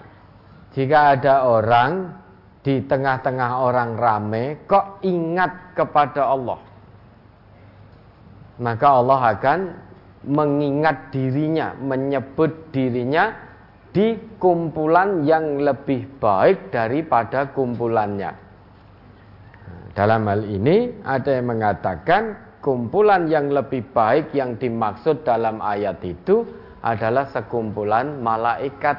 Maka Allah akan menyebut-nyebut orang itu di tengah-tengah malaikat memberi kabar kepada para malaikatnya bahwa fulan ini senantiasa mengingatku baik saat sendirian maupun di tengah orang ramai ya, sehingga fulan tadi namanya perbuatannya mengingat Allah itu oleh Allah dikabar-kabarkan disebut-sebut di tengah-tengah kumpulan para malaikatnya. Sehingga orang yang senantiasa mengingat Allah di tengah-tengah keramaian orang itu akan mendapatkan keistimewaan dari Allah. Senantiasa disebut-sebut oleh Allah dan dikabar-kabarkan kepada para malaikatnya. Jangan malaikat lebih baik dari kumpulan orang-orang itu karena ini orang-orangnya macam-macam bukan orang yang beriman. Tidak hanya orang yang bertakwa saja. Jadi kumpulan manusia pada umumnya, ya enek sing apik, enek sing elek.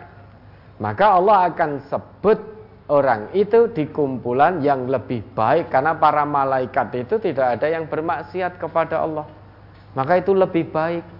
Kalau kumpulan manusia tadi kan macam-macam. Ada yang baik, ada yang tidak. Maka percampuran baik dan tidak ini oleh Allah tentu lebih baik kumpulan malaikat. Ya, kurang lebih begitu. Yang dimaksud sekumpulan yang lebih baik adalah Allah mengabarkan orang itu kepada para malaikatnya. Ada lagi? Pertanyaan berkaitan dengan brosur cukup Ustaz? Ya, kita sambung pertanyaan tertulis yang tertunda. Ya. Pertanyaan 12 Desember ke nomor 18. Lima tahun mengaji di cabang 20 tahun menikah punya masalah ekonomi. Keluarga anak enam. Empat putra, dua putri. Anak pertama putri punya anak dua Keduanya laki-laki Berumur empat tahun Yang kedua satu setengah tahun. Suaminya meninggal Agustus tahun 2020 Sekarang kembali jadi tanggung jawab kami kerja saya serabutan. Yang jadi masalah, istri tidak pernah terbuka masalah utang. Setelah banyak yang menagih, bingung. Saya coba masalah ini, saya coba masalah ini kami konsultasikan. Istri eh, kami konsultasikan ke pengurus. Istri tidak mau juga terus terang. Utang untuk apa? Jawabnya singkat. Gue butuh wis ben utangku tak tanggung jawab. Padahal istri tidak ada usaha kecuali ngurus rumah tangga. Pagi-pagi sudah beres-beres, masak, nyuci, terus pergi ke rumah orang tuanya 500 meter dari rumah kami setiap hari begitu. Pernah ngomong, boleh tidak mau kerja pergi ke Jakarta. Sudah 12 hari ini meninggalkan rumah.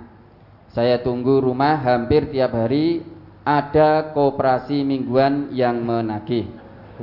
Mohon tausiahnya Ustaz. Tausiah seperti apa? Kalau memang punya hutang, tausiahnya bagaimana? Disaur. Ya. Kalau punya hutang, ya disaur. Itu nasihat agamanya begitu.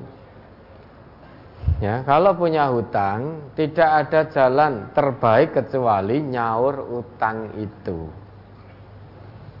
Ya. Kalau memang belum punya, nah, koperasi mingguan yang datang tadi ya disemayani. Kira-kira mau apa tidak? Semayani, wong tidak punya betul kok. Makanya jangan asal hutang seorang istri kalau mau hutang izin suami. Karena kewajiban memberi nafkah itu ada pada suami. Maka jangan perberat suami dengan hutang-hutang istri yang tanpa izin itu. Berat suami. Banting tulang, banting daging, gegering nanti gosong-gosong. Mencari nafkah untuk kebahagiaan untuk memenuhi kebutuhan istri dan anak-anak. Lah kok istri utang tanpa izin. Hati-hati. Istri yang seperti ini menurut Nabi dia tidak akan dilihat oleh Allah pada hari kiamat tadi. Tidak akan dilihat oleh Allah pada hari kiamat nanti.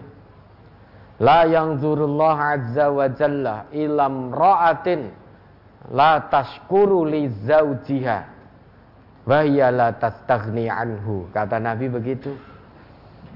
Allah Azza wa Jalla pada hari kiamat tidak akan melihat sama sekali kepada seorang istri la tashkuru li zaujiha yang tidak ngerti berterima kasih pada suaminya. Wahya la tastaghni anhu tidak berterima kasih pada suami berarti dia tidak merasa cukup atas pemberian suami. Banyak tuntutannya. Ketika suami tidak bisa memberi lebih, istrinya hutang tanpa izin, berlaku nusus. Melupakan kewajiban dengan sengaja. Ini nusus. Maka Istri yang seperti ini kalau tidak bertobat, jangan harap di akhirat dilihat oleh Allah. Karena dia tidak pernah bersyukur atas pemberian suaminya. Terlalu banyak tuntutan, terus menuntut bukan untuk memenuhi kebutuhan hidup, namun untuk memenuhi gaya hidup. Minta ini, minta itu, pengen kancane, pengen tonggone. Tonggone punya kulkas, ini minta lemari es. Iya. Tetangganya bisa dibelikan perhiasan oleh suami, istrinya ngedrel pada suami, pengen perhiasan yang sama tetangganya rumahnya dicat ini juga minta dilabur jadi apa yang diterima oleh istri tetangga nah, istri yang seperti ini selalu nuntut pada suaminya.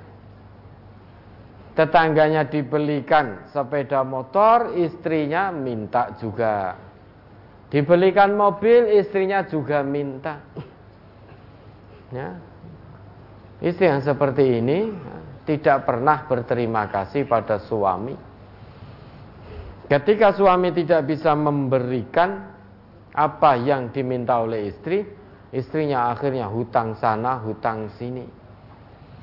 Tanpa izin suami. Kalau pagi sudah beres-beres kemudian pergi. Kenapa? Karena takut ditagih. Ya tahu tadi setiap pagi datang koperasi mingguan biar saya ngedepi suaminya ketika ditanya suami untuk apa gue butuh padahal kebutuhannya untuk makan minum sudah diberi oleh suami.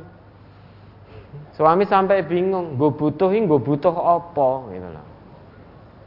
Akhirnya butuh pokoknya wis ben. Sehingga butuhnya pokoknya wis ben. Nah suami yang seperti ini kan bingung. Iki piye? Istriku ki ditanya, gue butuh, butuhnya apa? Butuhnya pokoknya wis ben. Mana ada yang jual pokoknya wis ben? Toko mana itu yang jual? Barang pokoknya wis ben itu. Maka setiap hari datang koperasi nagih. Koperasi yang setiap hari itu kira-kira syariah tidak? Jenengan lo ya yang nyebut, bukan saya. Sehingga nanti kalau yang diprotes jenengan, bukan saya. Nah, kalau koperasi yang datang itu memang tidak diikat dengan prinsip syariah, berarti itu riba. Riba. Orang yang dekat-dekat dengan riba, hati-hati berdirinya saja tidak bisa jejak sempoyongan seperti orang kemasukan setan. Coba diingat ayatnya itu Al-Baqarah 271. Eh apa? Al-Baqarah 275 atau berapa itu? Alladzina yaquluna riba la yaqumuna illa kama yaqumul ladzi yatakhabbathu syaitanu minal mas. Surat Al-Baqarah Surat kedua ayat 275 Alladzina ya'kuluna riba la yaqumuna illa kama yaqumul ladzi yatakhabbathu asyaitanu minal mas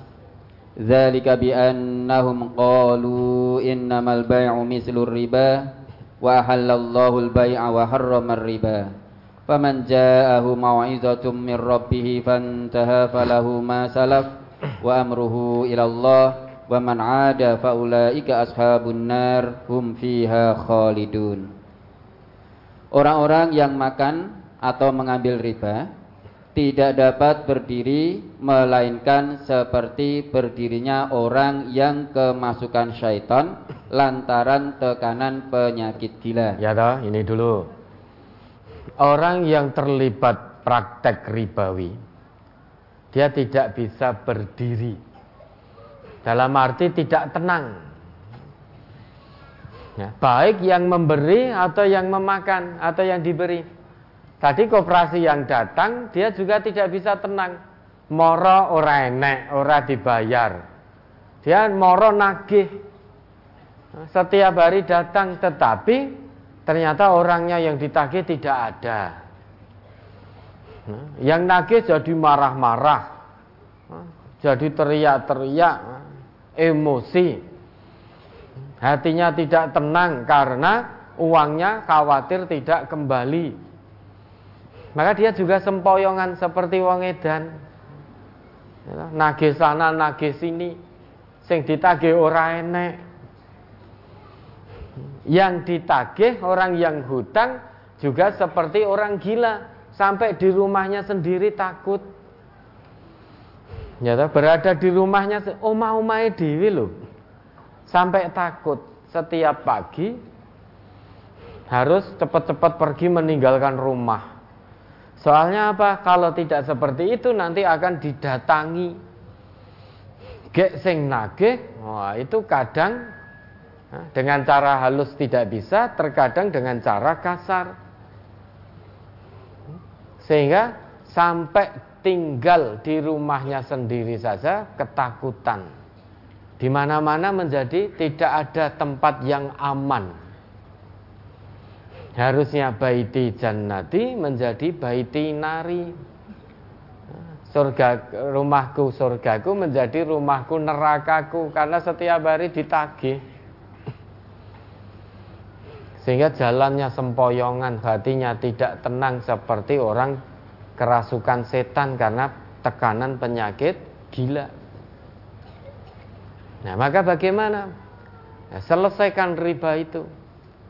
Jangan tambah hutang lagi kalau belum bisa bayar hutang yang kemarin. Nanti pinjam koperasi ini, ditagih tidak bisa nyaur. Untuk nyaur koperasi yang sudah jatuh tempo gali lubang koperasi ini. Nanti ini juga jatuh tempo tidak bisa nyaur gali lagi koperasi yang ketiga. Akhirnya lubangnya tergali begitu lebar sehingga nutup ora gali lubang sana lubang sini lubang sana lubang sana banyak lubang yang tergali sing buat nutup tidak ada. Akhirnya piye sudah pergi tinggalkan rumah saja. Akhirnya suaminya nggak tahu apa-apa karena istrinya utangnya juga tidak izin. Suami ini bingung, bendino enek tamu. Tamu ini kewajibannya untuk diikromi lah. Ini tamunya kok nagih-nagih. Padahal suaminya merasa tidak punya hutang. Nah ini bagaimana solusinya?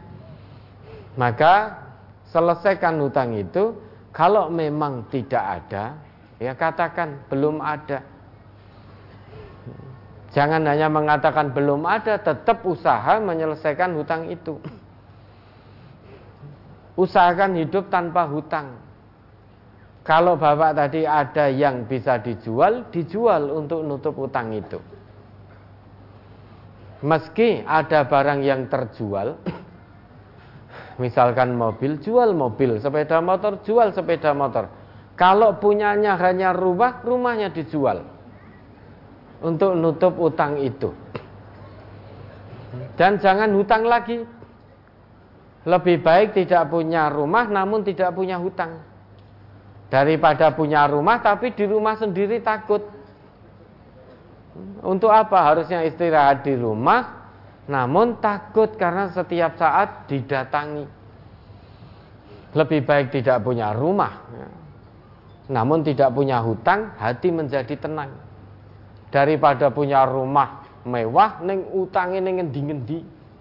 Setiap hari ditagih, jelungan berangkat sebelum matahari terbit, pulang sesudah matahari terbenam bahkan tengah malam sehingga takut ketemu orang lain.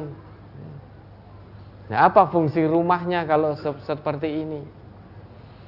Ya, lebih baik jual rumah, tutup hutang itu. Dan nanti berteduh di mana? Berteduh di bawah langit. Insya Allah kalau niat kita lillahi ta'ala menyelesaikan semua hutang-hutang yang tidak dibenarkan agama itu Allah akan tunjukkan jalan walladzina jahadu fina lanahdiyannahum subulana Barang siapa yang mencari keridoanku, pasti akan aku tunjukkan jalan-jalanku. Janji Allah ini imani dulu dengan hati. Jangan terima dengan akal dulu. Kalau dengan akal dulu akan menolak kita. Dengan janji Allah ini. Lah ini duwene omah terus nginep ngendi nek tak dol. Untuk ini itu padahal mau nyaur utang riba itu. Kalau mau sambat pinjam ke teman ngaji, wong wis ya tak silih kabeh wisan. Sehingga sudah tidak ada lagi yang mau meminjami. Nah, tinggal rumah. Kalau kita hanya terima dengan akal, kita akan menolak. Engkau terus nginep ngendi, nginep ngendi, nginep ngendi. Kalau kita terima dengan hati, Bismillah. Saya akan sahur utang-utang riba ini seakan saya selesaikan semaksimalnya hanya mengharap ridho Allah. Saya bismillah mau hijrah dari riba. Meski belum terpikir saat ini, namun imani dalam hati dulu. Sambil berdoa pada Allah dan terus berusaha. Allah tidak akan pernah menyelisih janji yang telah ditetapkan. Nanti satu saat akal kita akan membuktikan, oh ternyata betul janji Allah. Namun kalau kita terima dulu dengan akal, banyak orang-orang yang hanya pinter akalnya tapi bodoh hatinya. Sehingga menerima seruan Allah ojo korupsi neng yo tetap korupsi. Itu akalnya pinter. Oh nyatane konangannya suwe. Dia tidak yakin dengan Allah Perintah Allah mencari rezeki yang halal. Allah akan turunkan berkah dari langit dan dari bumi. Janji Allah itu kalau hanya diterima dengan akal, kita akan menolak. Lawang nyatane seprono seprene ket enam nganti duwe anak pitu. Kerja dari pagi sampai pagi nyatane yomong ya semene terus. Berkah dari mana? Nah, apa kita tidak menyadari? Meski jumlahnya kecil, kalau Allah turunkan full berkah, maka itu yang kita cari, yang kita harapkan. Jangan bisa lihat koruptor itu uangnya banyak tidak? Banyak, tetapi masih kurang, kurang, kurang, kurang. Karena apa? Tidak ada berkah dari Allah. Karena mencari dengan cara yang haram. Beda, jangan saksikan koruptor itu. Ketoknya uangnya banyak, makan enak, tidur di atas kasur empuk, tapi hati tidak tenang, hati tidak nyaman. Makan tidak enak. Bandingkan dengan orang apa orang lain yang mencari nafkah secara halal apa pun kondisinya, ternyata tidur di atas lantai pun juga bisa ngorok. Hmm. Makan nasi, sego karak Jangan. SKJ itu yo luar biasa iso glegen. Wah, itu. Nikmat sekali. Habis dahar bisa sare dengan begitu nyenyaknya. Padahal hanya di atas lantai. Lantainya belum keramik. Masih leponan biasa.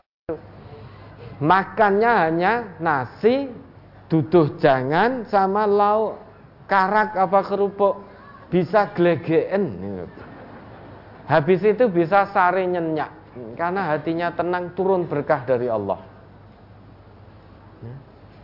Ini yang kadang kita lupakan. Koyone nikmat itu nek duwe bondo okeh. Nek bondone sidik seolah-olah Allah tidak pernah memberikan nikmat Pola pikir kalau hanya kita terima dengan akal, maka janji-janji Allah tidak akan bisa masuk. Tidak akan bisa kita terima karena akal biasanya menolak duluan. Sedangkan untuk meyakini, mengimani janji Allah dan Rasul itu yang utama, yang pertama adalah kerja hati. Bagaimana mungkin kita ngikromi orang lain, memberi makan orang lain, wong hartanya berkurang kok bisa dijamin bertambah ini bagaimana mungkin? Man kana yu'minu billah wal yaumil akhir fal yukrim dhaifahu nyugui uang kok. bisa berkahit bagaimana? Harta berkurang kok. Rugi no kita. Lah itu kalau kita hanya dengan akal hitung-hitungan manusia. Kita nyugui orang habis sak juta berarti wah uangnya kelong sak juta iman-iman kita hanya menerima janji Allah dan Rasul dengan akal. Hitung-hitungan matematika manusia bukan matematikanya Allah. Kalau matematikanya Allah terima dulu dengan hati. Kalau sudah sampai bisa diterima dengan hati maka janji Allah janji Rasul itu menjadi komitmen kita, kebutuhan kita kepada Allah. Maka hati akan tenang datang tamu sugui semaksimalnya sebagai bentuk ikram kita. Wes ora iman-iman gitu loh, tidak iman. Kalau masih iman berarti kita menggunakan akal. Wong nyugui semaksimal kita, semaksimal yang kita punya. Nah, oleh karena itu terkait dengan pertanyaan tadi, maka yang utama pertama di sahur. Yang kedua, kalau memang datang yang nagih, katakan terus terang belum punya. Kalau memang belum punya. Yang ketiga, kalau ada sesuatu yang bisa dijual, dijual untuk nyaur utang itu. Yang keempat, kalau utang itu belum bisa disaur, jangan nambah utang lagi. Karena kalau kita gali lubang lagi, maka lubang akan semakin besar. Dan tidak ada yang dipakai untuk nutup. Yang keenam, berusaha ikhtiar insani dan ilahi mohon ampun dan berdoa kepada Allah. Nabi pun yang senantiasa berdoa dalam sholat beliau, mohon dijauhkan atau berlindung kepada Allah dari berbuat dosa dan hutang. Dalam sebuah hadis disebutkan an Urwata anna Aisyah radhiyallahu anha akhbarathu. Dari Urwah bahwasanya Aisyah menceritakan kepadanya anna Rasulullah sallallahu alaihi wasallam kana yad'u fis salati wa yaqulu bahwasanya Rasulullah itu berdoa dalam solat beliau dengan mengucapkan Allahumma Inni a'udzubika minal ma'fami wal maghram. Ya Allah, sesungguhnya aku berlindung kepadamu dari ma'fam, perbuatan dosa dan maghram, dari hutang. Ada orang yang mendengar itu lantas bertanya kepada Nabi, Ma aksaro ma tasta'izu ya Rasulullah minal maghram. Alangkah banyaknya wahai Rasulullah engkau berlindung kepada Allah dari yang namanya hutang. Apa jawab Nabi kita? Innar rajula idza gharima haddasa fakadaba. Wa idza wa'ada fa akhlafa. Karena seseorang itu jika dia berhutang maka sangat potensi apabila dia bicara dia akan berdusta. Apabila dia berjanji dia akan khianat, menyelisih janji. Ya pertama, ketika nembung utang saja, terkadang banyak orang yang tidak mengutarakan tujuan sesungguhnya. Karena kalau mengutarakan tujuan sesungguhnya utang ini untuk apa, khawatir tidak diberi. Maka tujuannya meski dengan sesuatu yang mencuri rasa iba orang yang akan diutangi tadi. Sebetulnya untuk tujuan lain, namun nembunge ini untuk tujuan biaya rumah sakit anak saya ini harus opnam begini begini begini sakit ini ini ini padahal untuk tujuan yang lain. Padahal untuk tujuan lungo, pergi ke mana atau untuk tujuan gali lubang, nutup lubang yang satu namun kalau itu dikatakan sejujurnya tentu tidak akan diberi, maka anaknya, istrinya dikorbankan, dilorok-lorok ke. Biar tujuan dapat silian duit. Nah, ini bicara saja sudah menipu. Dan nanti janji, Pak niki saestu mengke satu minggu kula wangsul ke. Satu pekan saya kembalikan. Satu bulan mungkin saya kembalikan. Betul. Dulu ketika belum disilihi setiap hari datang.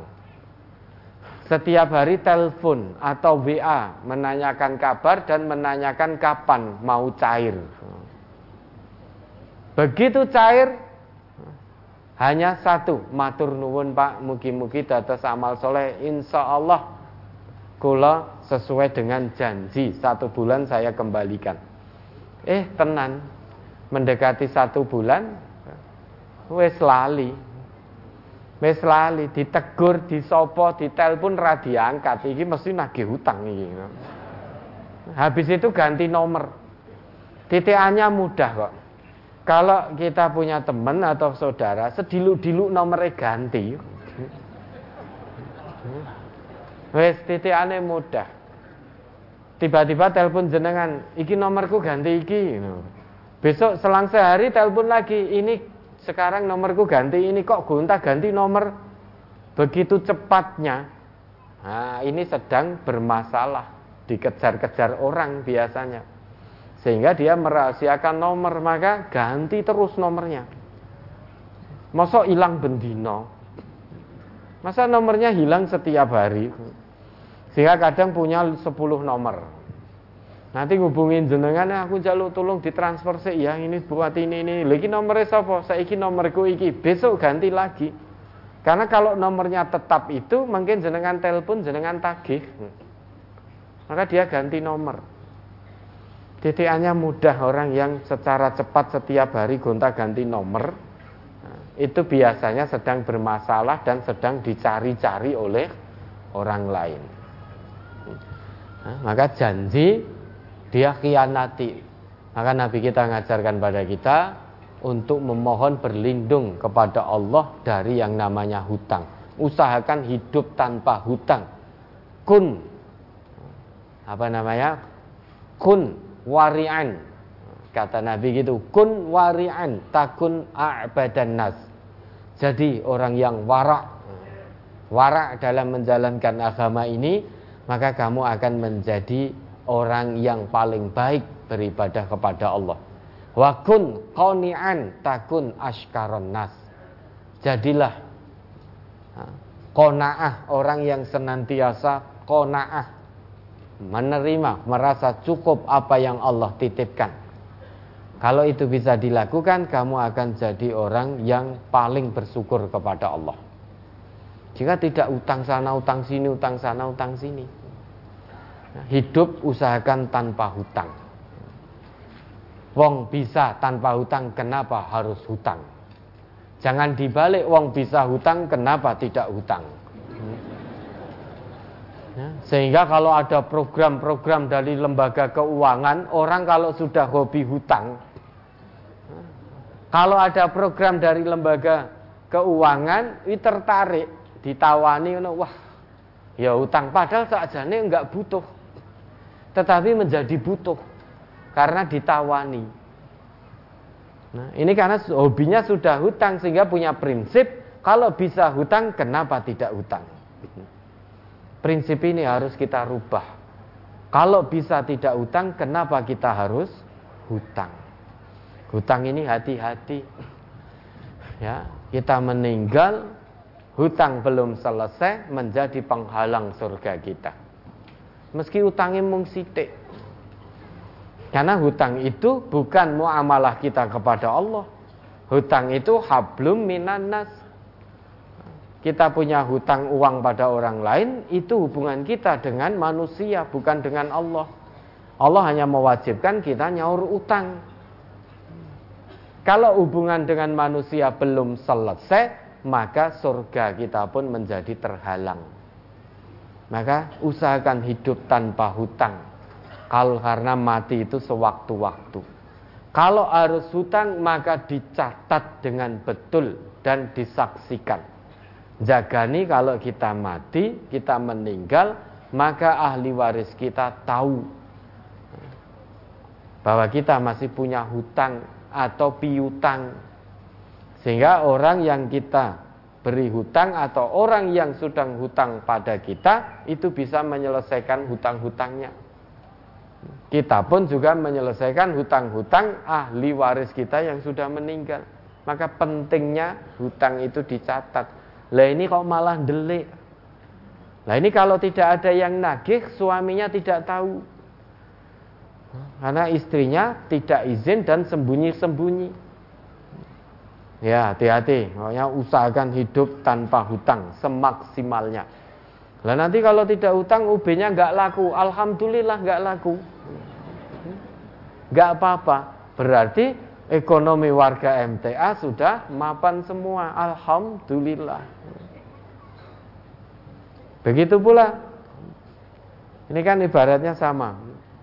Orang, seorang dokter atau yang punya rumah sakit wah, harus mendoakan kesehatan untuk orang lain.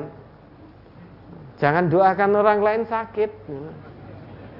Kalau rumah sakitnya kosong, dokternya tidak ada pasien, harusnya bersyukur. Kenapa? Berarti sehat semua. Gitu. Sehat semua. Ah ini ya sulit antara dua pilihan. Mendoakan sehat, engkau sepi, mendoakan sakit menyalahi agama. Di antara dua pilihan. Sama UB kita mendoakan ekonomi. Warga MTA baik engkau rapayu mendoakan biar ekonominya sempit ben payu nyalai agama. Ya. Banyak ibda binafsik. Mulai dari diri sendiri usahakan hidup tanpa hutang. Kalau harus berhutang pilih yang syariah Ya. Kalau harus hutang pilih yang dikelola dengan prinsip-prinsip syariah. Ya, ada lagi. Bagaimana dengan seorang musafir yang belum sholat maghrib, lalu di dalam perjalanan masuk waktu sholat isya dan singgah ke masjid? Apakah mengikuti sholat isya berjamaah setelah itu baru sholat maghrib atau bagaimana Ustaz? Sholat maghrib dulu. Baru sesudah itu ikut sholat isya. Makanya kalau musafir mampir ke masjid Usahakan jangan pas sholat isya berjamaah di situ. Usahakan sebelum datang waktu isya Itu mampir ke masjid. Biar bisa sholat maghrib dulu Kemudian mengikuti sholat isya secara berjamaah Kalau ingin mampir ke masjid. Maka sholat maghrib dulu baru sholat isya. Ya, ada lagi. Di kampung kami ada orang meninggal. Waktu hidupnya sholat. Saya ikut menyolatkan. Kemarin anak tetangga saya meninggal umur tujuh bulan. Saya juga ikut menyolatkan. Apa benar yang saya lakukan? Kalau masih kecil meninggal apa wajib disolatkan Kalau yang ditanyakan apakah anak yang masih kecil meninggal itu wajib disolatkan? Kalau yang ditanyakan wajib dan tidaknya, maka menyolatkan anak yang masih kecil meninggal dunia itu tidak wajib. Ya, kalau yang ditanyakan wajib dan tidaknya, kenapa? Karena Nabi pun dulu juga tidak menyolatkan putra beliau Ibrahim ketika Ibrahim meninggal dunia an Aisyah dari Aisyah qalat. Beliau berkata mata Ibrahim bin Nabi sallallahu alaihi wasallam. Ketika Ibrahim putra Nabi meninggal dunia wa huwa bnu samaniyata asyara syahrun. Pada saat itu Ibrahim usianya 18 bulan falam yusalli alaihi Rasulullah sallallahu alaihi wasallam dan Rasulullah tidak menyolatkan jenazah putranya yaitu Ibrahim yang meninggal ketika usia 18 bulan. Kenapa? Karena anak kecil belum punya dosa, belum mukallaf, belum punya beban syariat, maka tidak punya dosa. Karena tidak punya dosa, tidak wajib disolatkan. Nabi pun tidak menyolatkan putra beliau.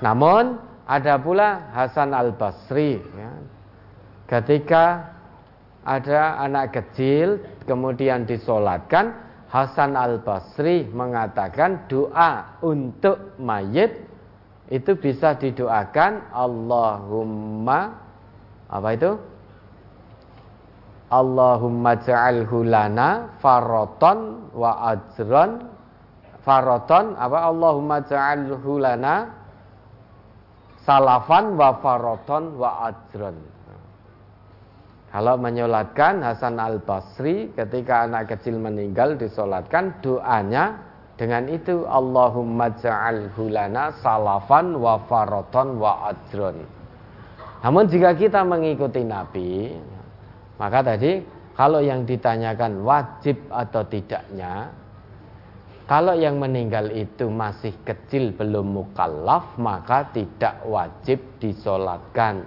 Nabi pun juga tidak menyolatkan putra beliau yang meninggal pada usia 18 bulan.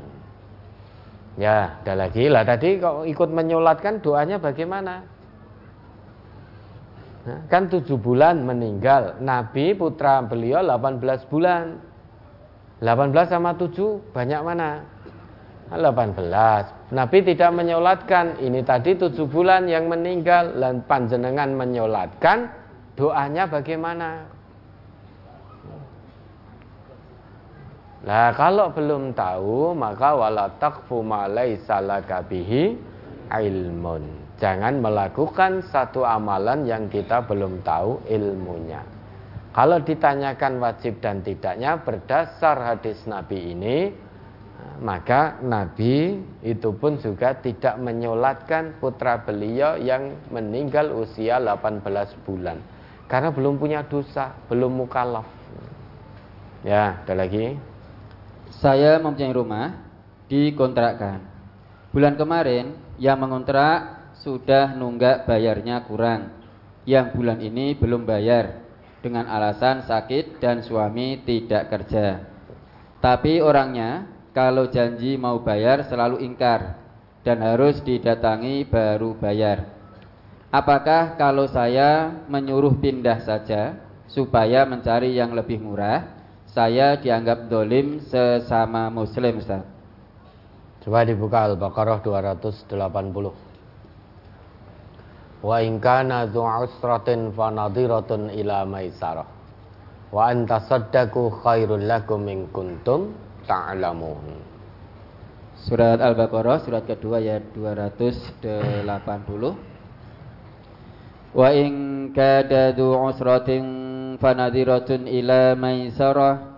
Wa an khairul lakum in kuntum ta'lamun dan jika orang berhutang itu dalam kesukaran, maka berilah tangguh sampai dia berkelapangan dan menyedekahkan sebagian atau semua utang itu lebih baik bagimu jika kamu mengetahui. Wah ini sing lagi duwe utang seneng ini. Jangan jadikan ini senjata bagi orang-orang yang memang tidak hobi nyaur utang. Ya. Ayat ini hanya berlaku bagi orang yang betul-betul tidak punya atau belum punya untuk bayar utang.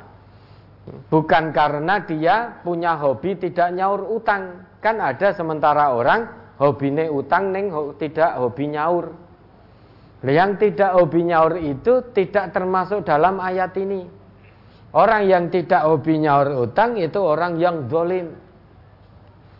Kalau betul tadi yang ngontrak di rumah panjenengan itu betul-betul tidak ada, bukan bermaksud untuk tidak mau membayar kontrakan, namun sudah berusaha semaksimalnya, betul-betul belum ada.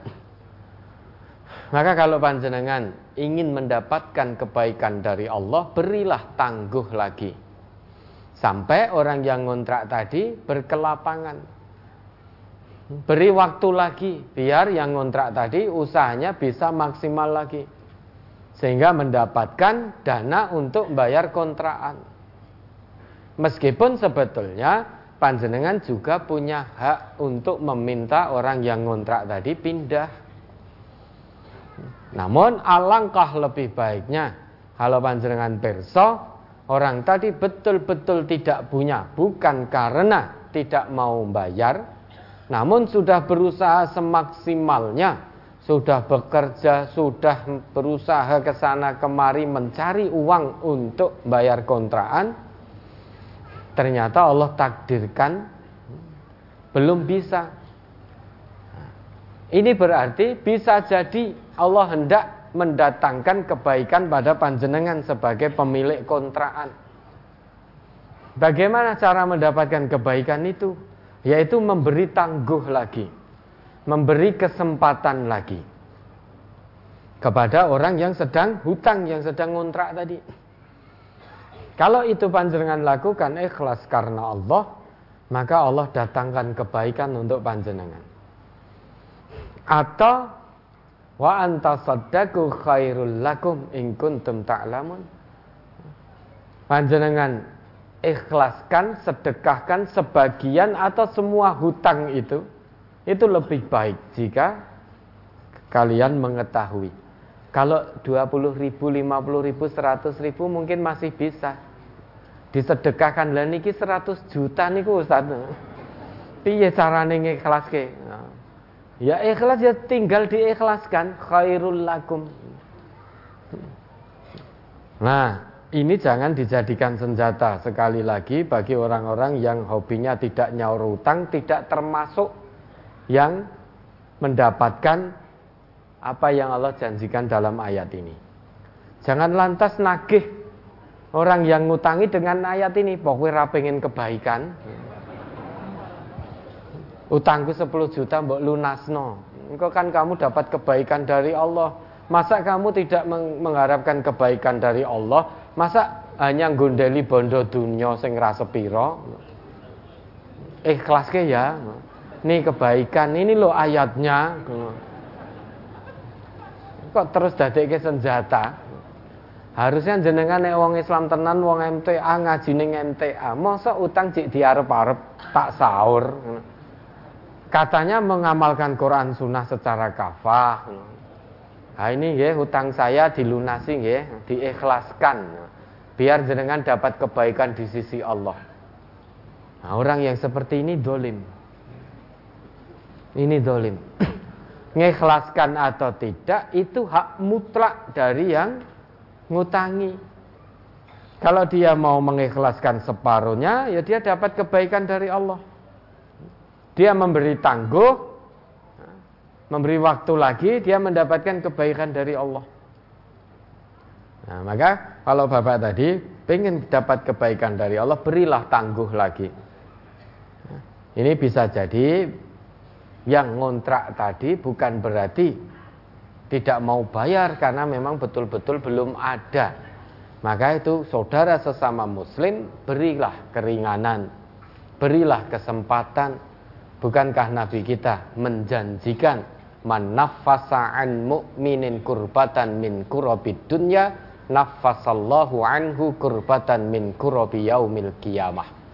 Barang siapa yang meringankan satu penderitaan dunia dari seorang mukmin, Allah akan lepaskan dirinya dari satu penderitaan, satu kesusahan di hari kiamat nanti. Waman yassara ala mu'sirin yassarallahu alaihi fid dunya wal akhirah.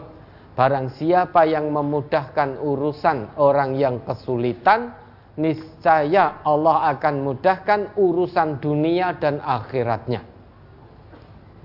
Itu kata Nabi kita. Waman satara musliman satarallahu fid dunya wal akhirah. Barang siapa yang menyembunyikan aib saudara muslimnya, Allah akan tutup aibnya dunia dan akhirat.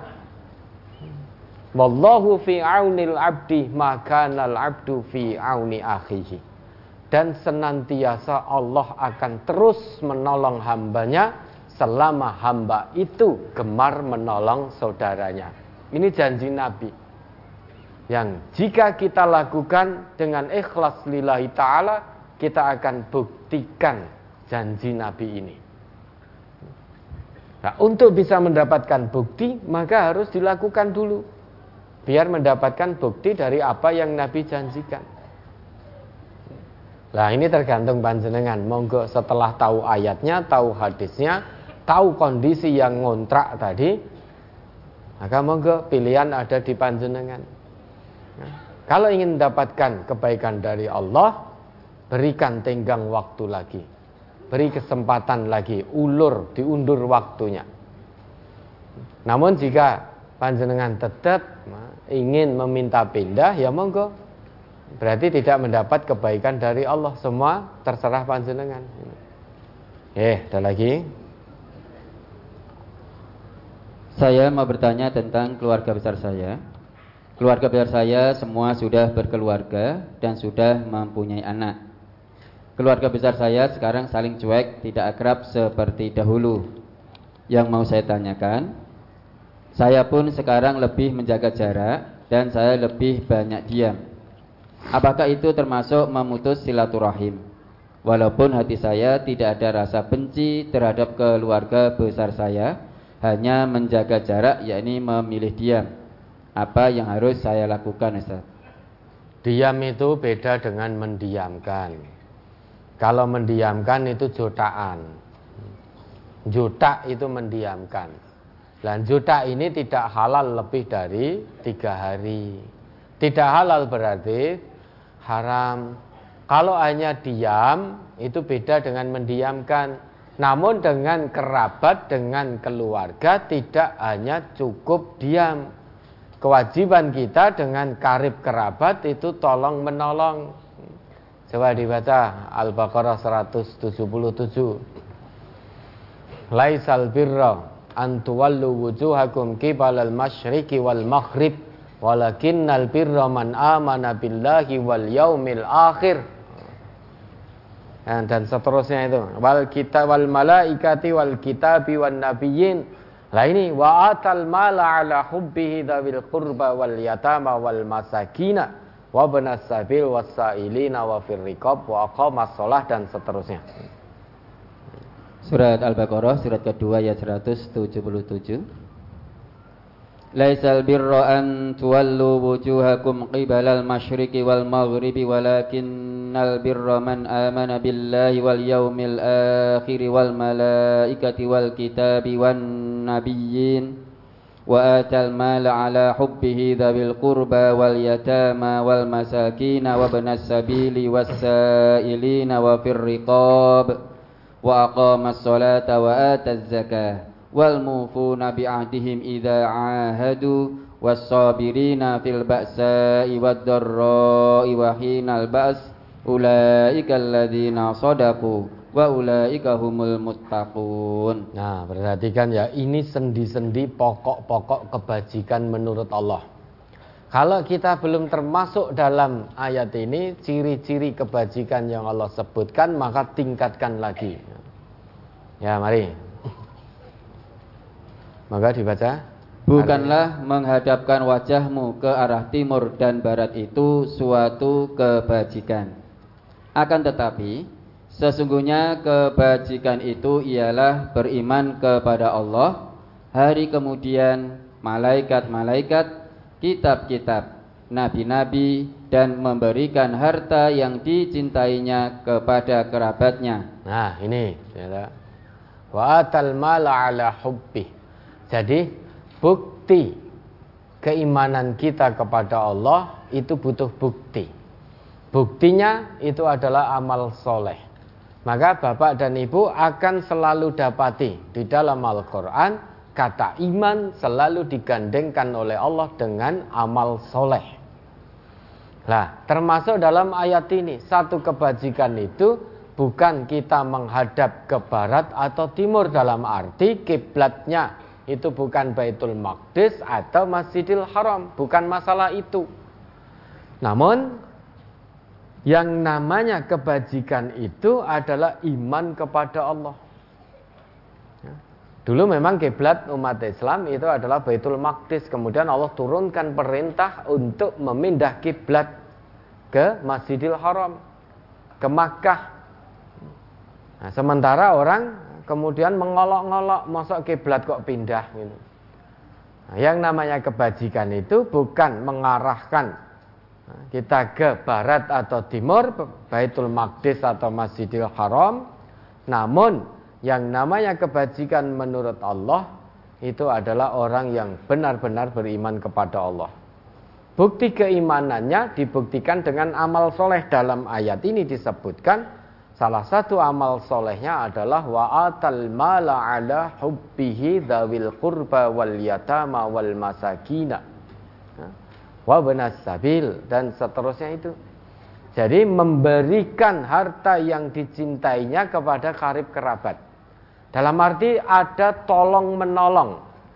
Ta'awun, maka kewajiban kita terhadap karib kerabat bukan hanya diam nyape hawa, bukan. Namun tetap ada komunikasi, ada saling tolong menolong. Saling berbuat baik satu dengan yang lain. Itu kewajiban terhadap karib kerabat kalau kita ingin mendapatkan kebajikan di sisi Allah. Tidak hanya sebatas diam. Nah kalau tadi ibu hanya sebatas diam, ada apa? Wong itu karib kerabatnya. Mbok disapa. Disapa tetap hubungannya akrab, harmonis, hangat.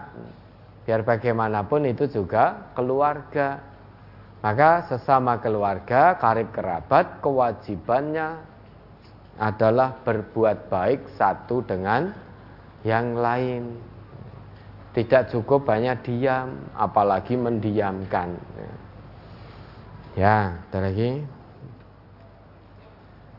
Sudah jam 10.56 ke pertanyaan langsung saat ini. 10.51 ini. 10.51. Ayo lagi yang ini satu lagi yang tertulis. Oh, ini 10.52. Nah, ini sampai jam 2 ya enggak apa-apa. Enggak. Ke nomor 24 Ustaz. Lembar yang terakhir. Tentang mengangkat tangan dalam sholat. Apakah empat kali empat tempat? Saya ulangi. Tentang mengangkat tangan dalam sholat. Apakah empat kali empat tempat tempat apa setiap bangun dari sujud apa cuma bangun dari tahiyat awal? Mohon pencerahannya Ustaz. An-Nafi'in Anna bna Umar. Eh An-Nafi'in Anna apa itu hadisnya Ustaz? An-Nafi'in Anna bna Umar radhiyallahu anhu kana idza dakhala kana idza dakhala fis salati kabbaro Bayar warofa'a yadaihi bahwasanya Ibnu Umar itu ketika memulai sholat itu dengan bertakbir dan mengangkat kedua tangan beliau.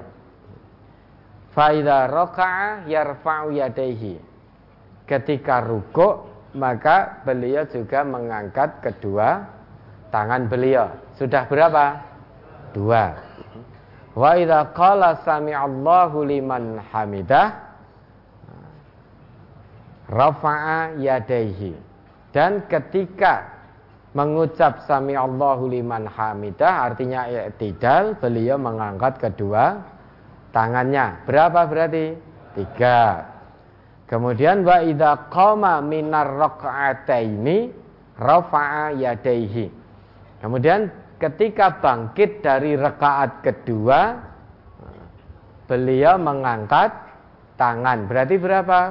Empat. Warofa'adzalika ibnu Umar ila nabiyillahi sallallahu alaihi wasallam. Dan Ibnu Umar merofakkan atau menjadikan hadis itu marfu sampai kepada Nabi. Berarti mengangkat tangan dalam sholat itu ada empat tempat. Pertama ketika akan memulai sholat Allahu Akbar Takbir dengan mengangkat kedua tangan. Yang kedua ketika kita akan ruku Yang ketiga ketika kita i'tidal Bangkit dari ruku Sami Allahu liman hamidah. Yang keempat ketika kita bangkit dari rekaat kedua Artinya setelah dapat dua rekaat kemudian tasahud awal lah bangkit ke rekaat ketiga dengan mengangkat kedua tangan. Berarti ada empat tempat. Ya ada lagi? Ya ke pertanyaan langsung saat ini ya ya bapak dan ibu sekalian untuk kesempatan berikutnya adalah pertanyaan langsung. Kesempatan pertama di lantai dua bapak satu ibu satu. Silahkan yang menghendaki untuk bertanya langsung menyebutkan nomor mic. Biasanya dalam pidato itu bapak dua ibu dua. Ya. ini bapak satu ibu satu. Ya. lantai dua tidak ada ya? Baik lantai tiga barangkali ibu-ibu. Silakan sebut nomor mic. Nomor 30 lantai 3 nomor 30 baik silahkan langsung saja ibu Silahkan Ibu, bisa langsung bertanya. Diperkenalkan dulu. Assalamualaikum warahmatullahi wabarakatuh Pak. Waalaikumsalam warahmatullahi wabarakatuh Saya Ibu Ngatini Argo Mulyo Bojonegoro Nggih. Mau tanya sama Pak Ustadz Yang saya tanyakan begini Pak Ustadz Itu di tuntunan sholat itu kan kalau mandi haid itu kan pakai kapas. Misalnya kalau nggak pakai kapas itu sah apa tidak, Pak Ustadz? Ya. Yang pertama. Itu yang kedua itu kalau saya itu punya saudara, saudara ya saudara suami saya itu kan perempuan itu misalnya itu nggak sholat misalnya nakal gitu, gitu Pak. Mohon maaf ya Pak Ustadz. Terus suami saya itu saya suruh putus jangan sama kakaknya nyok lagi soalnya itu terpengaruh. Itu saya dosa apa enggak Pak Ustadz? Terima kasih atas jawabannya Pak Ustadz. Misalnya diajak judi diajak minum-minum gitu saya suruh putus sama kakaknya itu saya dosa apa enggak Pak Ustadz? Terima kasih atas jawabannya Nggih, sampun. Sampun. Assalamualaikum warahmatullahi wabarakatuh. Waalaikumsalam warahmatullahi wabarakatuh. Yang pertama, ya, kapas itu itu untuk apa tahu fungsinya bagi ibu-ibu yang haid, perempuan haid ya untuk ngecek apakah masih keluar darah atau atau sudah berhenti. Kalau memang sudah yakin betul tidak keluar darah, maka tidak pakai kapas juga tidak apa-apa. Wong fungsinya kapas itu nuwun sewu. Kapas itu diusapkan pada kemaluan kalau memang masih ada darah berarti nah, itu darah haidnya masih ada berarti belum suci ya, darah haid itu merah kehitam-hitaman nah kalau memang ibu-ibu ini tanpa kapas dan sudah yakin bahwa tidak keluar darah lagi darah haid maka tinggal mandi janabah, mandi haid, mandi besar. Kemudian sholat dan seterusnya. Sehingga kalau memang tidak pakai kapas tapi betul-betul perso bahwa haidnya sudah berhenti, maka tidak pakai kapas tidak mengapa. Kemudian yang kedua, kalau memang kakak dari suami tadi perbuatannya bermaksiat pada Allah, Nah, ibu harusnya meminta pada suaminya agar memberi nasihat. Memberi nasihat dulu pada kakaknya. Nasihat dilakukan semaksimalnya. Kasihan pada kakak suami tadi.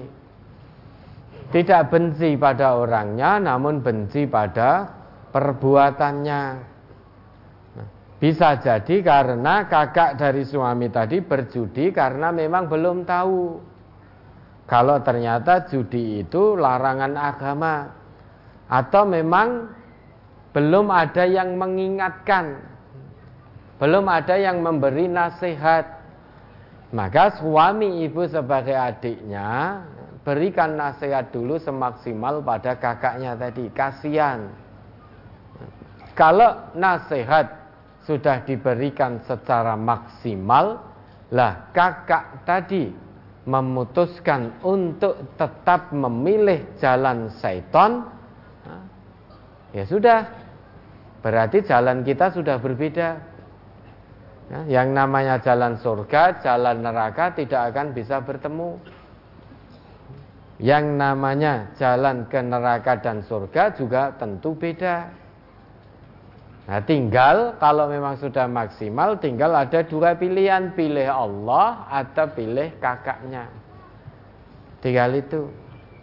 Kalau kakaknya terus menentang pada Allah dan Rasulnya, kewajiban kita apa? Hah? cabut rasa kasih sayang, putus hubungan. Namun sebelum itu dilakukan, ya, berikan nasihat terus, ajak terus, ajak terus secara maksimal.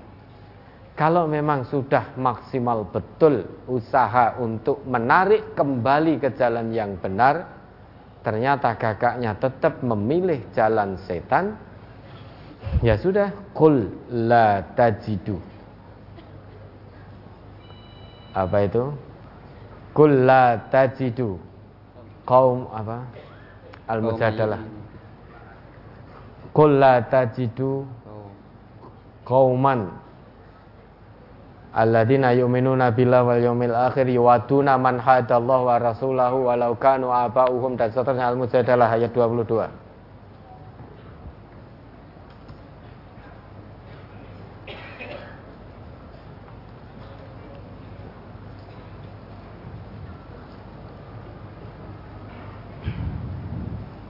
Surat Al-Mujadalah surat ke-58 ayat 22. La tajidu qauman yu'minuna billahi wal yawmil akhir yuwadduna man hadallaha wa rasulahu walau kanu aba'ahum aw abna'ahum aw ikhwanahum aw abna'ahum aw ikhwanahum aw ashiratahum ulaika kataba fi qulubihimul imana wa ayyadahum bi ruhim min ويدخلهم جنات تجري من تحتها الأنهار خالدين فيها رضي الله عنهم ورضوا عنه أولئك حزب الله ala inna hizballahi humul muflihun. Nah ini perhatikan dengan baik ayat ini. Ini satu ketetapan Allah. Ya. Kamu tidak akan mendapati sesuatu kaum yang beriman kepada Allah dan hari akhirat saling berkasih sayang dengan orang-orang yang menentang Allah dan Rasulnya. Nah, kalau, sebentar, kita ini ya, tidak akan pernah mendapati orang yang imannya sodik, imannya betul, betul-betul iman pada Allah, kok berkasih sayang? Pada orang-orang yang senantiasa menentang Allah dan Rasulnya. Terus meskipun itu bapak-bapak kita. Lanjut. Sekalipun orang-orang itu bapak-bapak atau anak-anak atau saudara-saudara ataupun keluarga mereka. Nah, ini sekalipun orang-orang yang senantiasa menentang Allah dan Rasulnya adalah bapak-bapak kita, ibu-ibu kita, anak-anak kita, keluarga kita, kalau memang mereka memilih jalan setan sebagai bukti keimanan kita kepada Allah bahwa iman kita benar, tentu kita lebih memilih Allah daripada memilih karib kerabat kita yang telah menentang Allah dan menentang Rasulullah. Nah, hanya dihadapkan pada dua pilihan. Pilih Allah atau pilih karib kerabat yang menentang Allah tadi. Hanya itu saja pilihannya. Dan kita diwajibkan memilih. Pilihannya kita pilih Allah atau pilih keluarga yang menentang Allah, menentang Rasulullah. Memang berat pada awalnya. Karena biar bagaimanapun itu karib kerabat, orang-orang terdekat kita, ada hubungan nasab, lah kok tiba-tiba kita diminta oleh Allah memilih. Pilih Allah atau pilih bapakmu. Pilih Allah atau pilih anakmu yang menentang Allah. Berat. Tentu Kalau iman kita sodik, kita akan milih Allah apa pun resikonya. Karena nanti di hadapan Allah, bapak tidak bisa menolong anak, anak tidak bisa menolong bapak, orang tua tidak bisa menolong anak, anak tidak bisa menolong orang tua, suami tidak bisa menolong istri, istri tidak bisa menolong suami, semua bertanggung jawab sendiri-sendiri. Hmm, dihadapkan pada dua pilihan. Maka biar kita tidak terkena pilihan ini, maka ku anfusakum wa ahlikum naro jaga diri dan keluarga dari api neraka. Nah, ya sudah kalau tadi kakaknya ya, memang dinasehati tidak mau dan terus dalam jalan setan, ya biar ditempuh jalan setan itu. Nanti lama-lama nak sampai neraka. Gitu. Gitu. Iya. Dinasehati tidak mau, maksimal tidak mau, diajak tidak mau, ya sudah. Wa a'rid anil jahilin. A'rid anil jahilin. Wes orang-orang yang bodoh, yang ngeyel, yang bergudul, itu tidak usah digubris. Saya diberi nasihat panjang lebar, terus menerus setiap waktu. Tapi tetap ngeyel, malah marah-marah. Mau judi Sing lakoni aku dosa ya aku neraka tak panggonane dhewe. Nah. Kalau memang seperti itu, ya sudah biarkan, acuhkan saja, tidak usah digubris. Nah ini pertanyaannya sudah diberi nasihat atau belum? Kalau belum maka nasihati dulu, ajak dulu dengan baik. Ya. Nasihatinya nanti tunggu waktu yang tepat, jangan pas judi, jangan pas minum minuman keras langsung datang Innamal khamru wal maisiru rijsun min amali syaitan fajtanibu. Mas, judi, minum khamar perbuatan setan. Lawang lagi main, baru minum tiba-tiba kita datang membawa ayat, membawa hadis. Yang ada ayat hadisnya tidak diterima, botolnya dikeprok Maka tunggu dulu Tunggu waktu yang tepat biar pengaruh iskarnya hilang. tunggu waktu yang tepat nanti diajak empat mata ya, diajak di rumah makan sambil makan terus dengan nasihat-nasihat yang ringan penuh dengan keakrapan. Itu akan lebih bisa menyentuh fitrahnya.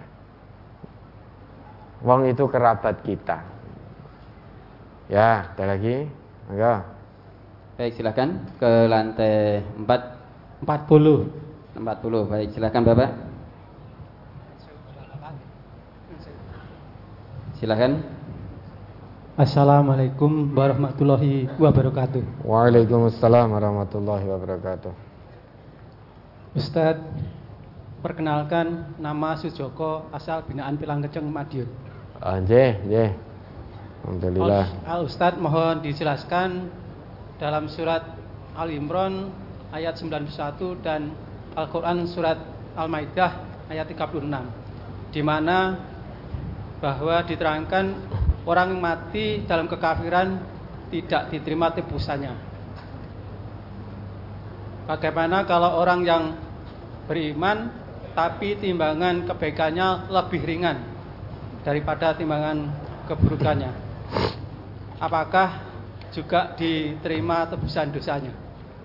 Yang kedua, apakah benar kesaksian orang yang taksiah, orang-orang yang taksiah dapat menghapus catatan amal manusia. Sedangkan di Quran, Quran surat Qaf surat ke-50 ayat 29 Allah berfirman bahwa keputusanku tidak dapat diubah. Terima kasih atas tausiahnya dan mohon maaf apabila ada tutur kata yang kurang berkenan. Waalaikumsalam warahmatullahi wabarakatuh. Waalaikumsalam warahmatullahi wabarakatuh. Ya, coba dibaca ayatnya 91 Al Imran dan Al Maidah ayat berapa tadi? 36. 36. Nah.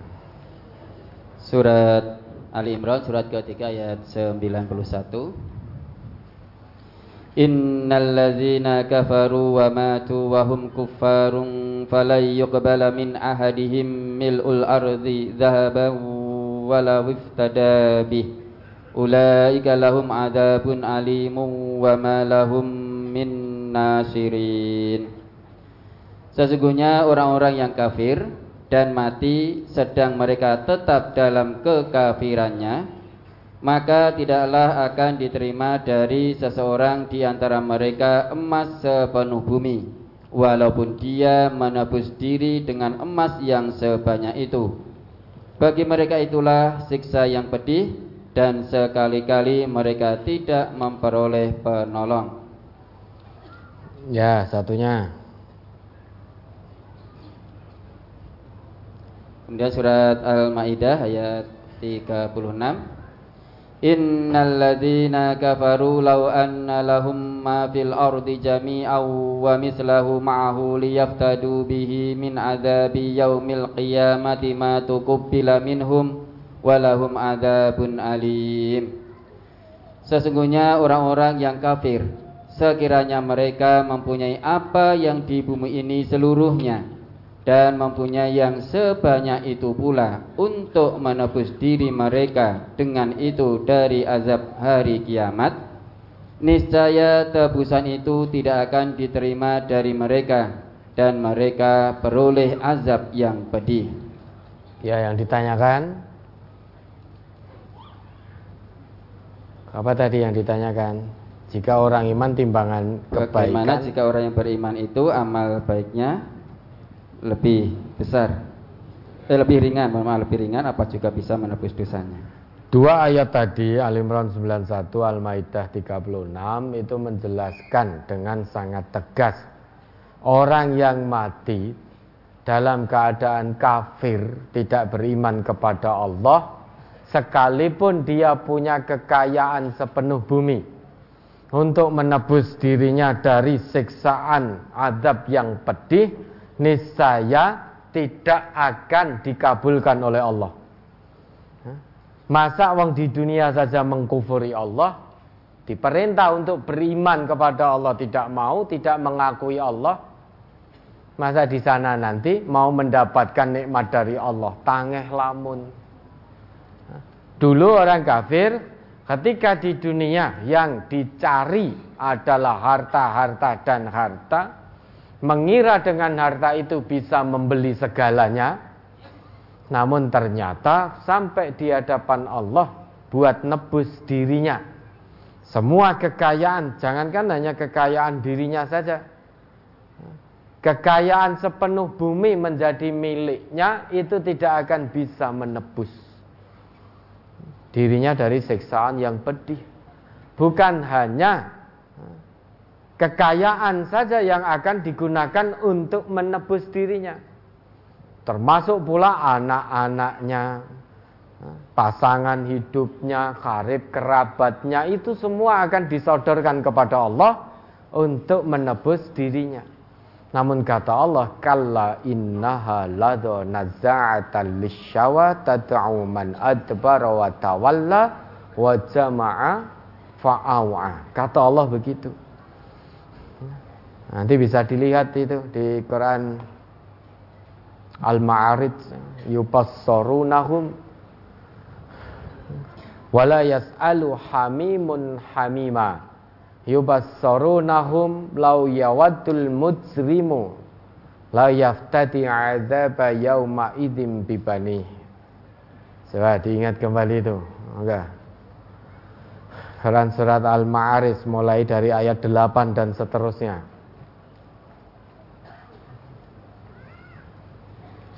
Surat Al-Ma'arij surat ke-70 mulai dari ayat 8. Yauma takunus sama'u kal muhl wa takunul jibalu kal ahin wa la yus'alu hamimun hamima yubassarunahum yawaddul mujrimu law yaftadi min adabi yaumin bibani yauma idzim bibani ah, apa yubassarunahum yawaddul mujrimu law yaftadi min adabi yaumi idzim bibani wa sahibihi wa akhi wa sahibatihi wa sahibatihi wa akhi wa fasilatihi allati tuwi wa man fil ardi jami'an summa yunji.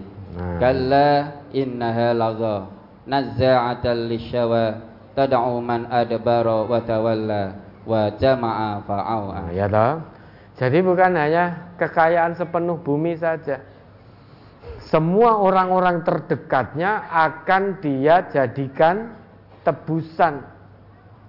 Dia tawarkan kepada Allah. Yawaddul mujrimu lau yaftadi azaba yauma yaumi idim bibani. Anak-anaknya dulu. Ya, karena itu makom-makom tebusan. Maka yang akan ditawarkan kepada Allah sebagai tebusan ialah orang yang paling dekat dengan dirinya dulu ketika di dunia. Rata-rata manusia umumnya yang paling dekat dengan dirinya adalah buah hatinya, anaknya. Dulu ketika di dunia, banyak orang tua yang rela menggantikan koyo-koyo neno nek isoh menggantikan posisi anaknya yang sedang menderita. Banyak orang tua yang tidak tega melihat anaknya sakit. Sehingga banyak orang tua yang berangan-angan umpama lorone isoh dipindah. Ibumu biasanya ibu nek bapak tesih mikir-mikir ya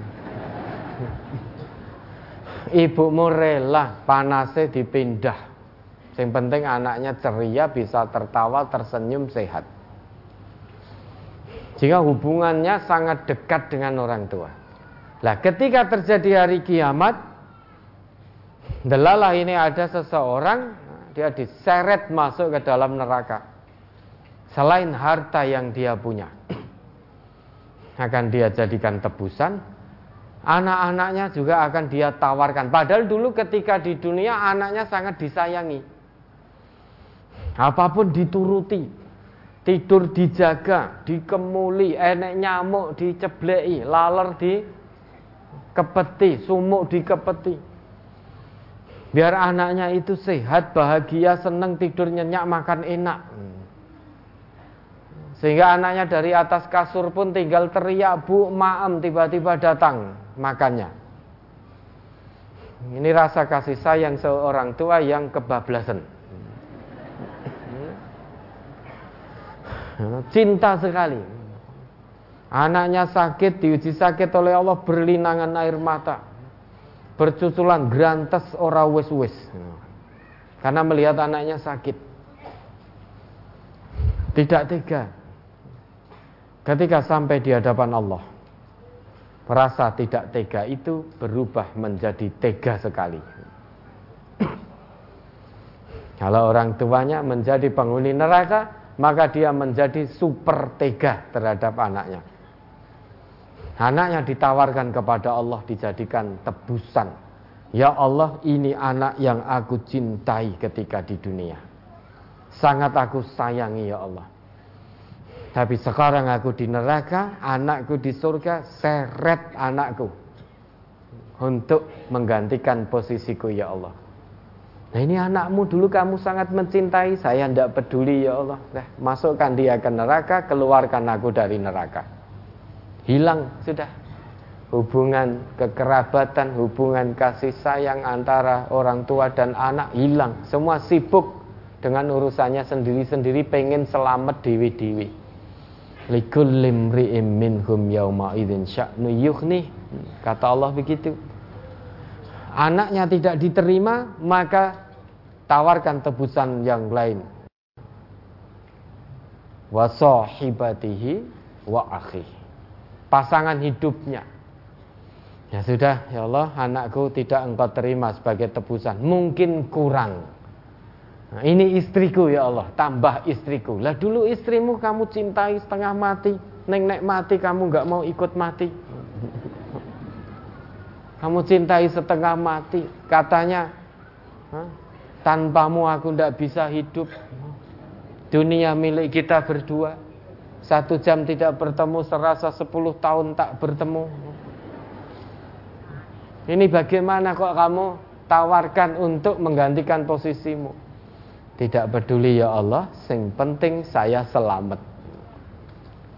Ini suamimu tidak peduli mau suamiku, mau anakku, tidak peduli ya Allah. Seret-seret semua ya Allah, keluarkan aku dari neraka. Belum cukup, maka ditambah saudara-saudaranya. Yo Mbak Yune, yo Mase, yo Ade kabeh. Ternyata tidak mampu, tidak tidak bisa. Terus semua keluarganya yang dulu ketika di dunia melindunginya. Keluarga besarnya. Ya sudah semua keluarga besarku ya Allah yang ada hubungan nasab denganku. Mulai mbah kakung, mbah putri, bapak, ibu, emas, mbak yu, adik, ponaan, putu, kabeh seret ya Allah. Yang penting saya di surga. Tetapi tidak bisa. Saking tidak bisa, tambah semakin gila karena tidak kuat menahan siksaan. Akhirnya semua manusia dari pertama sampai terakhir dia tawarkan kepada Allah. Yang kenal dan yang tidak kenal pun dia tawarkan untuk menggantikan posisinya, untuk menebus dirinya. Wa man fil ardi jami'an summa yunji. Kalla innaha lada nazza'atan lisyawa. Mohon Nanti saya jangan diingatkan waktunya dulu ya. Kalla innaha lada nazza'atan lisyawa. Tad'u man adbara wa tawalla wa jama'a fa'awa. Sekali-kali tidak mau harta sepenuh bumi kamu ajukan sebagai tebusan.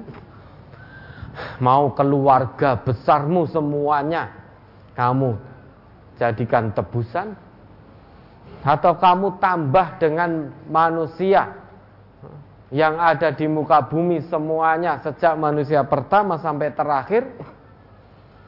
Sekali-kali apa yang kamu ajukan untuk menebus dirimu itu tidak akan berhasil. Kalla innaha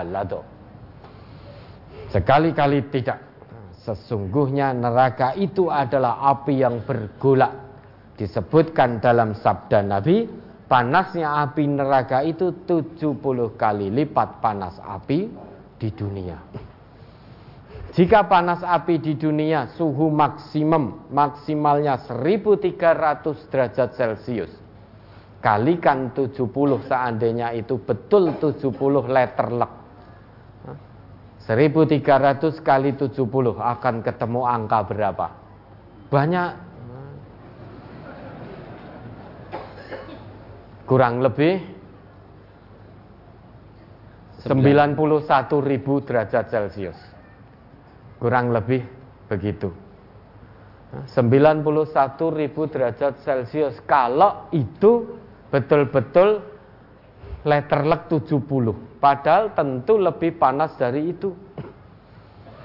Karena orang Arab itu untuk menyebut sesuatu hal yang sangat banyak mesti dengan kelipatan tujuh. 7, 70, 700. Bukan berarti itu letter luck 7, 70, 700, bukan.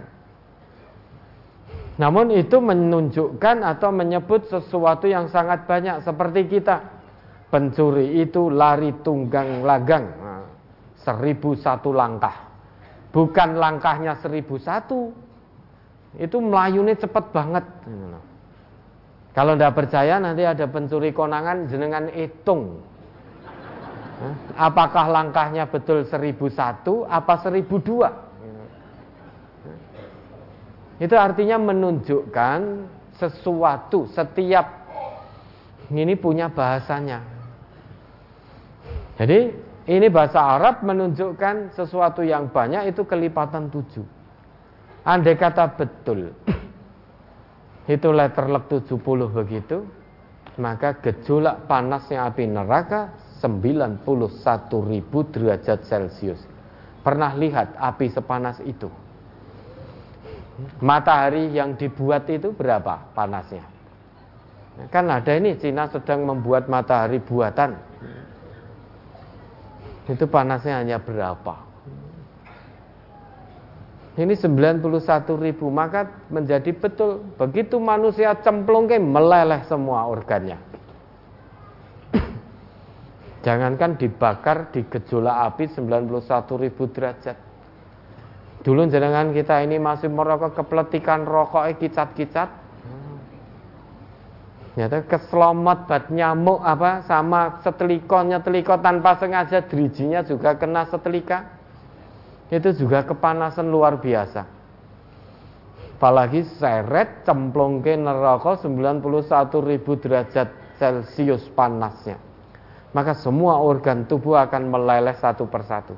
Kalau meleleh terus mati ngono ndak apa-apa. Diganti lagi dengan yang baru. Nanti meleleh lagi. Ganti lagi baru terus begitu sampai ada unta masuk lubang jarum. Kira-kira mungkin enggak? Tangeh lamun unta segede kuwi, lubang jarum sekecil itu. Piye carane nglebokke? Mungkin kita oh, Allah itu kalau Allah sudah berkehendak maka sesuatu hal yang mustahil terjadi pasti akan terjadi. Apa iya Allah nanti di sana akan berkehendak lubang jarumnya jadi segede-gede onta, ontanya jadi sekecil-kecil lubang jarum. Apa mungkin begitu? Kalau itu dilakukan berarti Allah menyalahi janjinya. Karena Allah itu kita tidak akan pernah dapati ketetapan Allah mengalami pergantian, mengalami perubahan. Walan tajida li sunnatillahi tabdila walan tajida li sunnatillahi tahwila. Selamanya ontoyo sebesar itu, lubang jarum ya sekecil itu. Lawang ibu-ibu saja mau memasukkan benang yang memang itu tempatnya di lubang jarum. Itu aja kesulitan, kadang pakai dimut, Hubungannya apa coba? Masukkan lubang nggak bisa-bisa dimut sih. Nggak bisa dimut lagi. Itu lubang yang apa? Benang yang memang tempatnya di lubang jarum itu sulit apa menaik unta segede kuwi. Kira-kira ya, ya mustahil. Tangeh lamun. Ya. Tangeh lamun tidak mungkin. Maka wajar. Ganti baru meleleh lagi, siksa lagi, meleleh lagi, siksa lagi, meleleh lagi. Kalau sudah meleleh mati ngono wis ora kenyataannya ini diganti baru oleh Allah. Supaya apa? Pendurhaka itu terus merasakan siksaan yang bertubi-tubi dahsyatnya.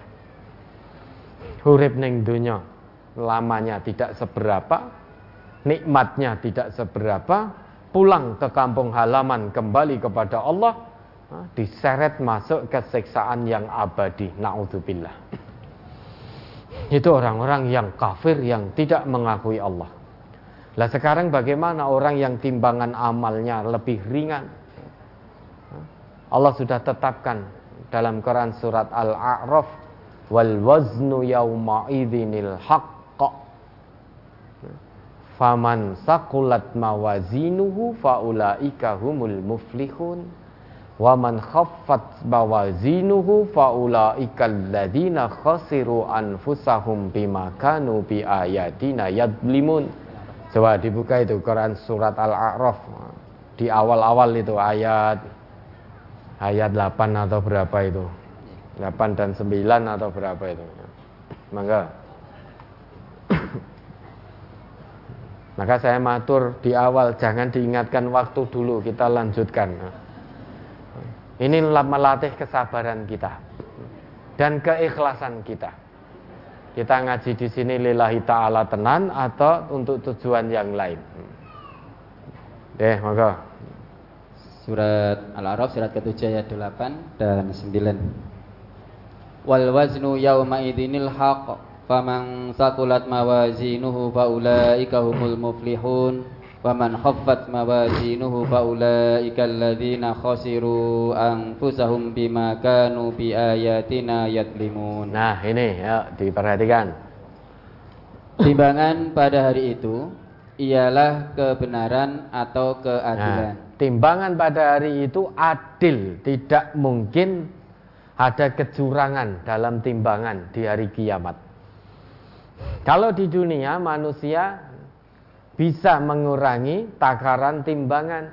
Namun timbangan di hadapan Allah nanti adil, tidak akan ada yang didolimi sedikit pun. Lanjut. Maka barang siapa berat timbangan kebaikannya, maka mereka itulah orang-orang yang beruntung. Ya, lanjut. Dan barang siapa yang ringan timbangan kebaikannya, maka itulah orang-orang yang merugikan dirinya sendiri, disebabkan mereka selalu mengingkari ayat-ayat kami. Faman sakulat mawazinuhu faulaika humul muflihun. Orang yang timbangan amal kebaikannya lebih berat daripada amal buruknya, itulah orang-orang yang beruntung. Namun sebaliknya, waman khaffat mawazinuhu faulaika alladzina khasiru anfusahum bima kanu bi ayatina yadlimun. Orang yang timbangan baiknya lebih ringan, artinya perbuatan maksiatnya, dosanya lebih berat daripada amal kebaikannya itulah orang-orang yang merugikan dirinya sendiri diberi kesempatan hidup di dunia untuk mengumpulkan kebaikan sebaik dan sebanyak-banyaknya sebagai bekal timbangan di akhirat. Kenapa malah ingkar kepada Allah? Diberi kesempatan hidup di dunia oleh Allah diberi pedoman hidup biar tidak tersesat. Melalui Al-Quran. Kemudian Allah utus Rasulnya mengajarkan Al-Quran itu sebagai pedoman hidup. Biar sampai kepada keridoan Allah. Tetapi kenapa banyak manusia yang tidak mau mengikuti apa yang menjadi ketetapan Allah, tidak mau menjadikan Al-Quran sebagai pedoman hidupnya secara kafah, namun hanya setengah-setengah. Sehingga sampai di hadapan Allah ternyata timbangan amal baiknya lebih ringan daripada amal baiknya. Nah, orang itulah orang yang merugikan dirinya sendiri. Bukan dirugikan, tapi merugikan dirinya sendiri. Sudah diberi kesempatan hidup di dunia, Allah berikan petunjuknya Quran sebagai jalan yang paling lurus. Kemudian Allah juga utus Rasulnya mengajarkan Quran. Sehingga warisan dari Rasulullah dua hal kitabullah wa sunnatan nabiyyih. Kalau itu kita pegang teguh maka tidak akan pernah sesat dunia, tidak akan pernah sesat akhirat. Kenapa kita hanya setengah-setengah dalam memegang Quran, dalam memegang sunnah? Tidak secara kafah. Sehingga terkadang pegangan kita terlepas, terkadang kenceng, terkadang setengah kenceng, terkadang terlepas sama sekali. Kalau ayat dan hadis yang cocok dengan perbuatan kita, kita gondel ini kenceng. Tapi kalau ada ayat dan hadis yang tidak sesuai dengan keinginan kita, kita lepaskan ayat dan hadis itu. Atau kita tetap pegang nih setengah-setengah. Pegangnya ya ringan-ringan itu, tidak kencang, maka akan terlepas. Sehingga merugikan dirinya sendiri. Diberi kesempatan sekali di dunia, tidak dua kali. Kemudian diberi pedoman hidup yang paling lurus akan sampai kepada keridhaan Allah. Diutus Rasul untuk dijadikan suri toladan, kenapa masih memilih bujuk rayu setan? masih memilih hawa nafsunya sehingga dia mengingkari ayat-ayat Allah tidak mau mengikuti ayat-ayat Allah yang menyebabkan timbangan amalnya menjadi ringan. Sekarang kalau timbangan amal ringan di hadapan Allah mau ditebus pakai apa? Tebus pakai apa? Orang yang timbangan amalnya ringan daripada timbangan baiknya, itu orang yang rugi kata Allah begitu. Sekarang mau ditebus pakai apa sedangkan tadi sudah dijelaskan ditebus dengan kekayaan sepenuh bumi dengan seluruh kerabat di dunia dengan semua manusia di muka bumi saja tidak bisa. Nah sekarang mau tebus pakai apa? Nah, mumpung Allah masih beri kesempatan kita hidup, mulai sekarang sadar kita tobat pada Allah, hentikan semua kemaksiatan. Baik ucapan maupun perbuatan sebelum datang penyesalan yang tiada guna. Sebelum datang penyesalan yang tiada guna. Nah, itu yang pertama.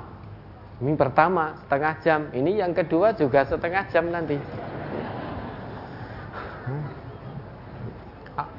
Orang kesaksian orang yang sedang takziah. Apakah bisa menjadi penghapus catatan amal si mayit? Misalkan kita sedang takziah, tiba-tiba ada yang mimpin. Fulan niki tiang saya napa mboten? Saya. Kan itu toh? Tiang saya napa mboten? Saya sampai tiga kali. Ya tidak mungkin. No.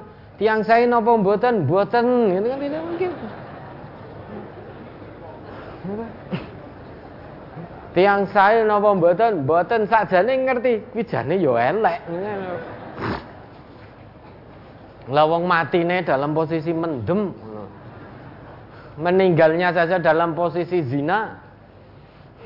Tapi ketika ditanya di makom itu, di makbaroh, tidak mungkin jawab tiang saya nopo boten boten wong wingi matine zina wingi matine overdosis pas mendem karena oplosan mati tidak mungkin jawab boten. Buat ditanya ya tetap saing.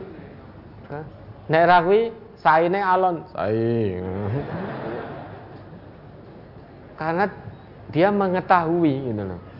Apakah dengan kesaksian itu lantas dosa-dosa si mayat tadi akan bisa terhapus? Ya tentu tidak. Tentu tidak. Ya tergantung amalnya nanti yang dibawa. Karena orang kalau sudah meninggal itu terputus semuanya. Dan yang mengikuti orang yang meninggal itu tiga hal yatba'ul mayyita salasah Fayarci usnani wayab wahid yang dua kembali yang satu akan terus tetap menemani sampai bertemu Allah. Yatba'uhu ahluhu. Yang pertama keluarganya akan ikut ngantar ke pemakaman. Ya pakai nangis-nangis itu. Nganter wajar nangis boleh wong ditinggal orang yang dicinta. Namun secinta-cintanya nek ditawari ikut dikubur sisan ya enggak mau. Dia akan pulang. Setelah mayat itu ditanam sendirian. Di ukuran berapa biasanya ukurannya? Satu kali satu dua meter. Jadi rumah masa depan kita itu itu. Satu, satu kali dua meter tanpa bantal, tanpa spring bed, tanpa petromak, tanpa neon. Ya, sempit. Nanti apakah kuburan semakin gelap semakin sempit atau menjadi terang benderang tergantung amal kita. Maka kalau sudah ditanam sendirian, sudah kita akan ditinggalkan satu persatu. Mulai anak kita, mungkin anak kita terakhir, saudara-saudara kita, rekan kerja, saudara ngaji, itu meninggalkan kita satu persatu. Anak kita mungkin masih menunggu di situ sampai terakhir baru meninggalkan. Tidak mau nginep di situ 24 jam jare kangen umpama tiba-tiba diperimpeni tenan ngono ya. Wedi. Orang yang percaya mayit bisa merimpeni umpama diperimpeni tenan ya wedi. Alhamdulillahnya kita tidak percaya dengan itu semua. Tinggalkan satu persatu kita menjadi seorang diri. Keluarga yang dulu hangat bercengkrama dengan kita sudah meninggalkan kita satu persatu tinggal kita seorang diri. Saat itulah setiap orang akan merasakan dunia tinggal cerita, akhirat nyata.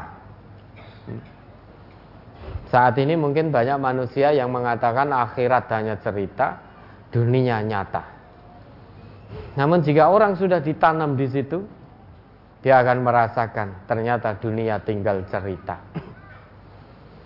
akhirat nyata selama-lamanya. Tidak akan pernah jadi cerita akhirat itu. Dia nyata selama-lamanya. Itulah kampung halaman kita. Yang mana mau tidak mau kita akan kembali ke situ dan tidak akan pernah bisa kembali ke dunia lagi. Sudah begitu, sebagai bukti bahwa dunia itu hanya cerita, saat kerabat kita, handetolan kita, saudara-saudara kita mengantar kita untuk ditanam sendirian di tempat satu kali dua meter itu yo banyak yang gojek banyak yang cengengesan. Nggih napa nggih? Iya. Kenapa? Karena yang meninggal bukan keluarganya yang meninggal hanya saudara ngajinya berapa yang penting dua anakku ketoknya takziah tapi tidak menunjukkan empati Takziah itu menghibur. Coba bagaimana perusahaan keluar, perasaan keluarga yang melihat panjenengan jegegesan, bercengkrama, bercanda, tertawa. Sedangkan saudara kita tadi sedang berkabung. Katanya takziah. Takziah itu menghibur. Lah kok malah menambah kesedihan. Paling tidak tunjukkan empati, simpati. Sekalipun bukan nasab kita, namun itu saudara kita. Apa sulitnya kita menahan diri untuk tidak gegojekan, untuk tidak tertawa-tawa di makam di mana di situ keluarganya masih ada menyaksikan. Nah, ini yang biasa tidak kita sadari. Rumah sana takziahi layat. ya, Takziah itu menghibur. Jadi takziah itu artinya menghibur. Bagaimana mungkin kita akan menghibur kalau kita tertawa-tertawa? Padahal saudara kita sedang bersedih. Nah, begitu pula nanti kalau ada anggota keluarga kita yang meninggal, saudara kita layat dan tertawa-tertawa. Kayak tertawane banter. Kira-kira apa yang kita rasakan? kita elayat tetapi tidak menghibur malah tidak menunjukkan empati, simpati dan lain sebagainya. Nah, nanti semuanya akan kembali. Wong saat kita sedang ditanam saja jik do iso gegojekan apalagi kalau sudah meninggalkan makam ini loh. Sehingga kita tinggal dikenang saja. Tinggal masuk dalam album kenangan oleh keluarga ya mungkin sekarang file-file itu kalau kangen lihat fotonya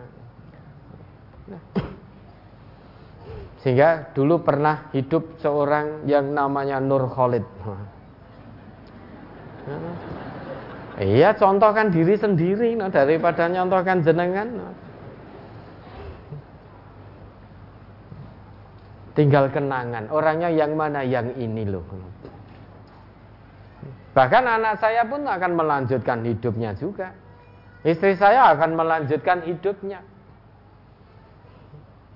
Akan melanjutkan hidupnya. Karena amanah hidup anak dan istri masih terus berjalan. Namun saya tinggal sendirian. Yang kedua, harta kita juga akan mengikuti, mengiringi kita sampai ke makam kendaraan, mobil dipakai untuk mengantar. Setelah itu dibawa pulang lagi, ra mungkin melu dikubur dengan kita. Enggak mungkin. Nah, ini yang ketiga ini yang akan terus menemani sampai kita dibangkitkan oleh Allah kelak. Apa itu amal kita? Sehingga yang bisa menebus dan tidak adalah amal kita sendiri-sendiri, bukan kesaksian para pentakziah. Bahwa semua pentakziah mengatakan saya, saya, saya. Namun kalau amal kita, amalun ghairu soleh, amal yang tidak baik, sekalipun sak dunya ngomong saya, tapi di hadapan Allah nggih mboten saya. Ya, ada lagi.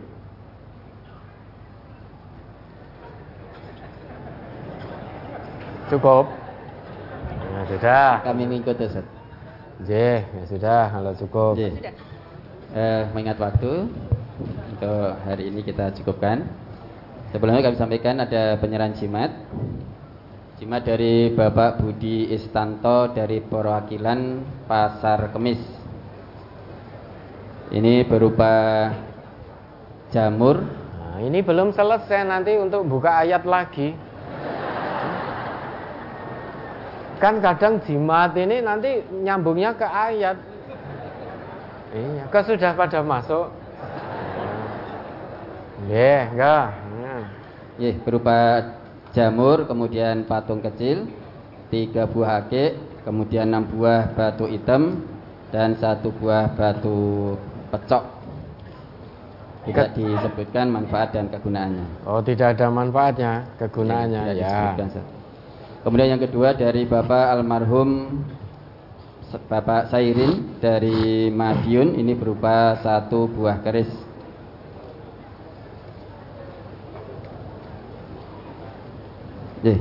ini untuk Ya. penyerahan jimat ya, Ustaz. Kegunaannya untuk apa? Juga tidak disebutkan. Tidak disebutkan juga, Ustaz. Oke, nah di awarke dengan teman-temannya sana. Ya mudah-mudahan dosa-dosanya diampuni oleh Allah ya. Bersyukur kepada Allah. Nah, sebelum nyawa di kerongkongan hatinya terbuka untuk sadar bahwa apa yang dilakukan adalah kemusyrikan. Sedangkan kemusyrikan itu kalau kita tidak tobat dan tidak kita ikuti dengan amal perbuatan baik sebanyak-banyaknya maka sampai di hadapan Allah kita akan jadi orang yang rugi. Nah ini sebetulnya mau sampai pada ayat ini, gitu. Nah, tapi sudah kerusak kerusak kerusak kerusak gitu kok. Ya. Iya. Sudah kerusak kerusak kan sudah tidak jenak ya sudah ayatnya nggak jadi. Ya. Ya mudah-mudahan diampuni oleh Allah. Ada lagi? Berikutnya permohonan doa kesembuhan untuk saudara-saudara kita yang sakit. Bapak Wiono dan Bapak Samto dari Ngerampal 2, Bapak Wardoyo dan Ibu Tutik Suripto dari Cawas, Bapak Muhtomi dari Kendal, warga Kemusu 3 Belali ada dua orang sakit karena Covid. Loh, Kem- masih ada Covid?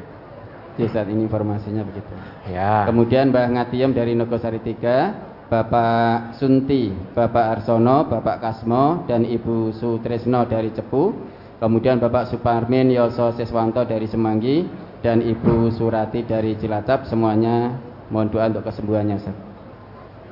Ya, mari kita doakan beliau-beliau ini. Allah. Allahumma shfihim, Allahumma shfihim, Allahumma shfihim. Ya, semoga jadi kafaroh ya.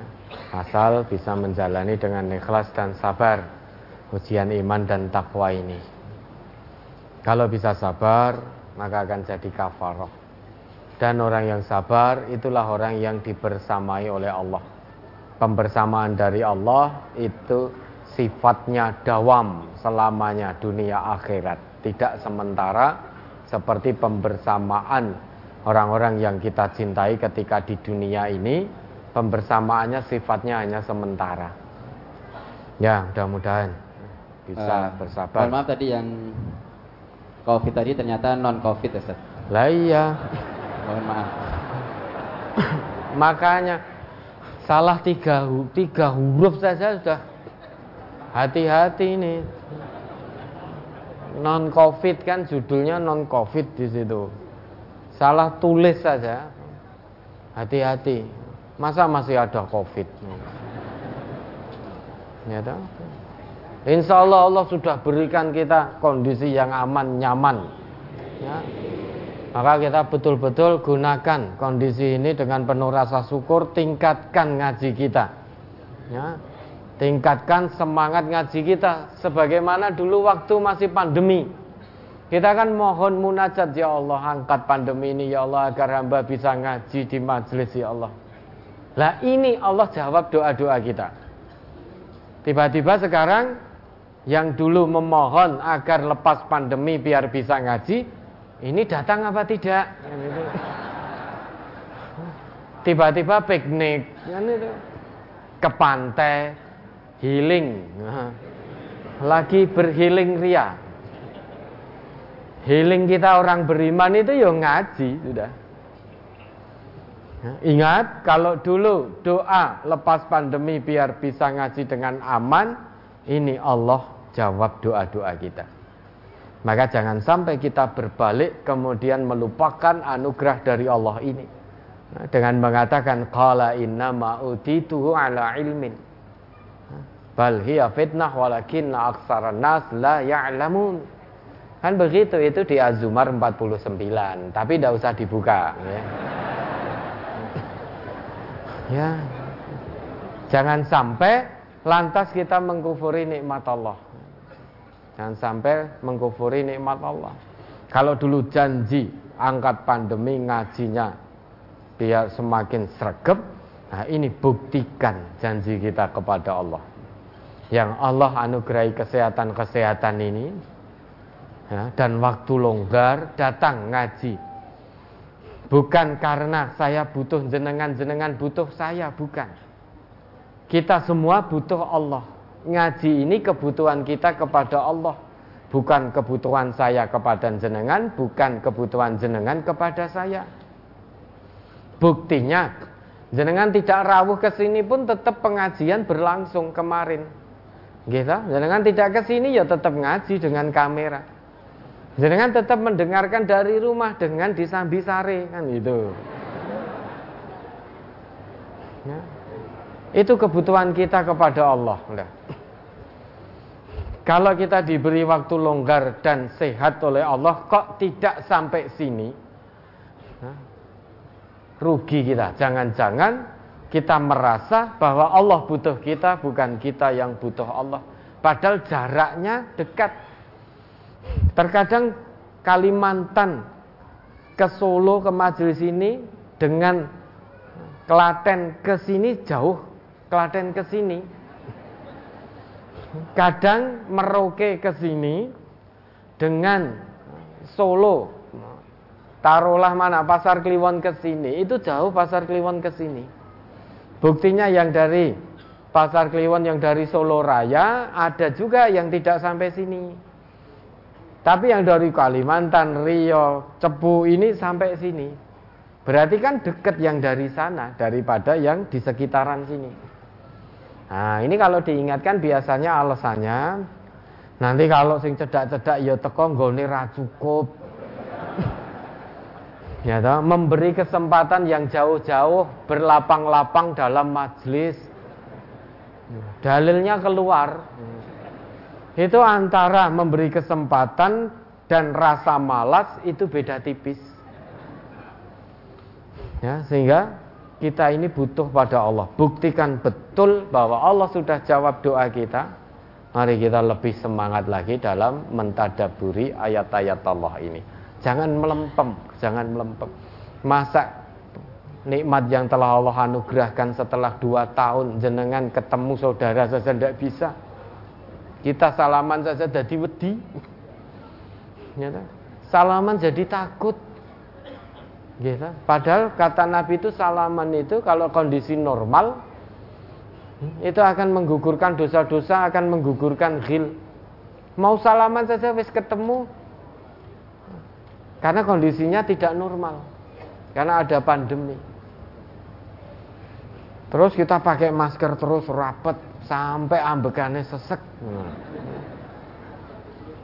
Itu kondisi dua tahun ini. Dan Allah jawab, wa kana haqqan alaina nasrul mu'minin. Allah mewajibkan bahwa Allah pasti akan tolong hamba-hambanya yang beriman. Wa makru ulaika huwa yabur apa pun rencana jahat yang telah dilakukan itu akan hancur di tangan Allah. Andai kata ini bukan pandemi murni. Kita juga tidak tahu apakah pandemi murni atau plandemi wallahu a'lam. Tapi Allah yang Maha mengetahui. Kalau itu plan demi, kita yakin pada Allah wa makruhu ulaika huwa yabur. Rencana jahat orang-orang itu yang punya rencana jahat pasti akan dihancurkan oleh Allah. Itu ketetapan Allah.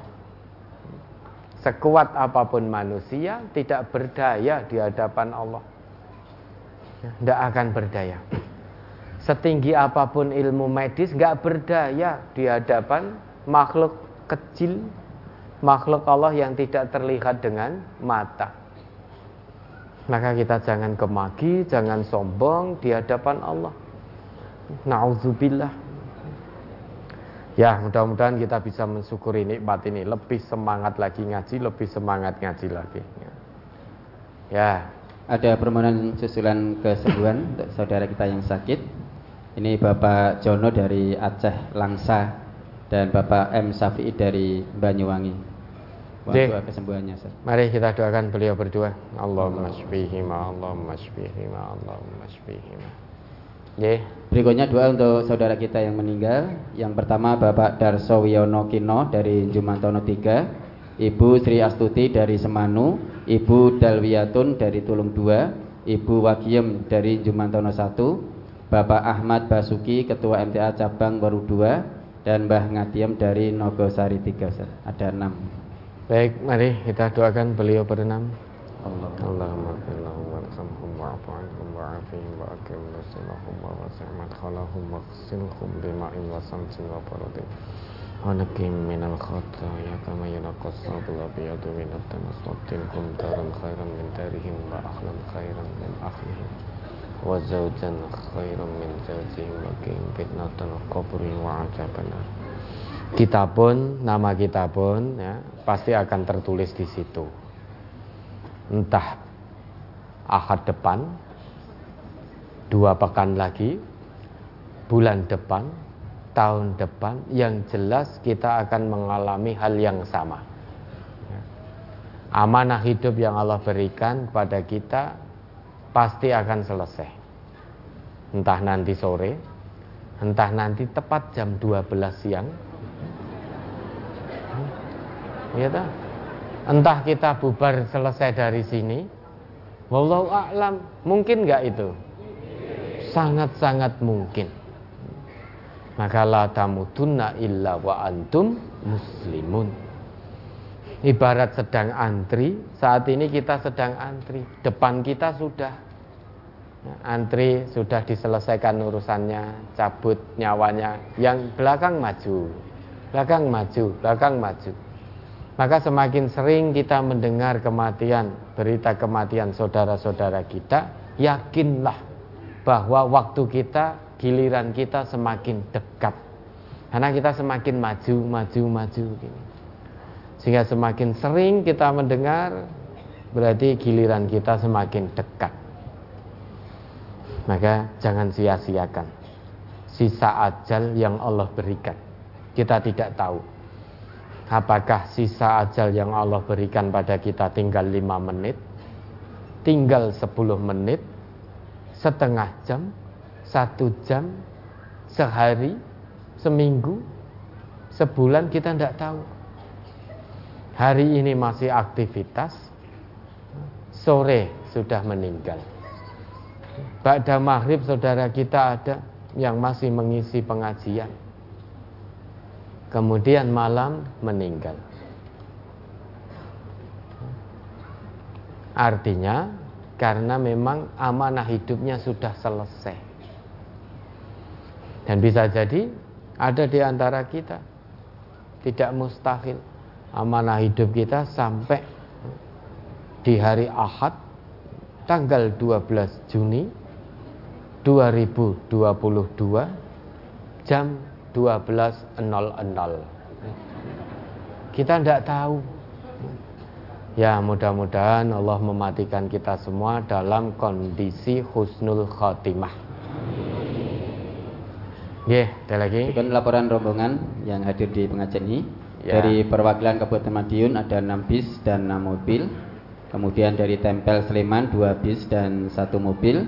Dari Bangun Sari Pacitan 1 bis, kemudian Kota Madiun satu bis dan tiga mobil dan dari Karanganyar Ngawi satu bis ibu-ibu yeah, ini Sugeng Rawuh rombongan yang dari jauh-jauh luar Solo Raya ya semoga masafah jarak yang panjenengan tempuh untuk mengikuti tadabur ayat-ayat Allah ini betul-betul dinilai lillah oleh Allah yang tinggalkan kampung halaman, korbankan biaya, kemudian tenaga, di sini juga rela keju boyoe, kan. Mudah-mudahan ini semua ikhlas lillahi ta'ala dan mudah-mudahan istiqomah di jalan Allah hingga akhir hayat. Ya, ada lagi? Berikutnya infak untuk konfes dan media Ustaz. Ya.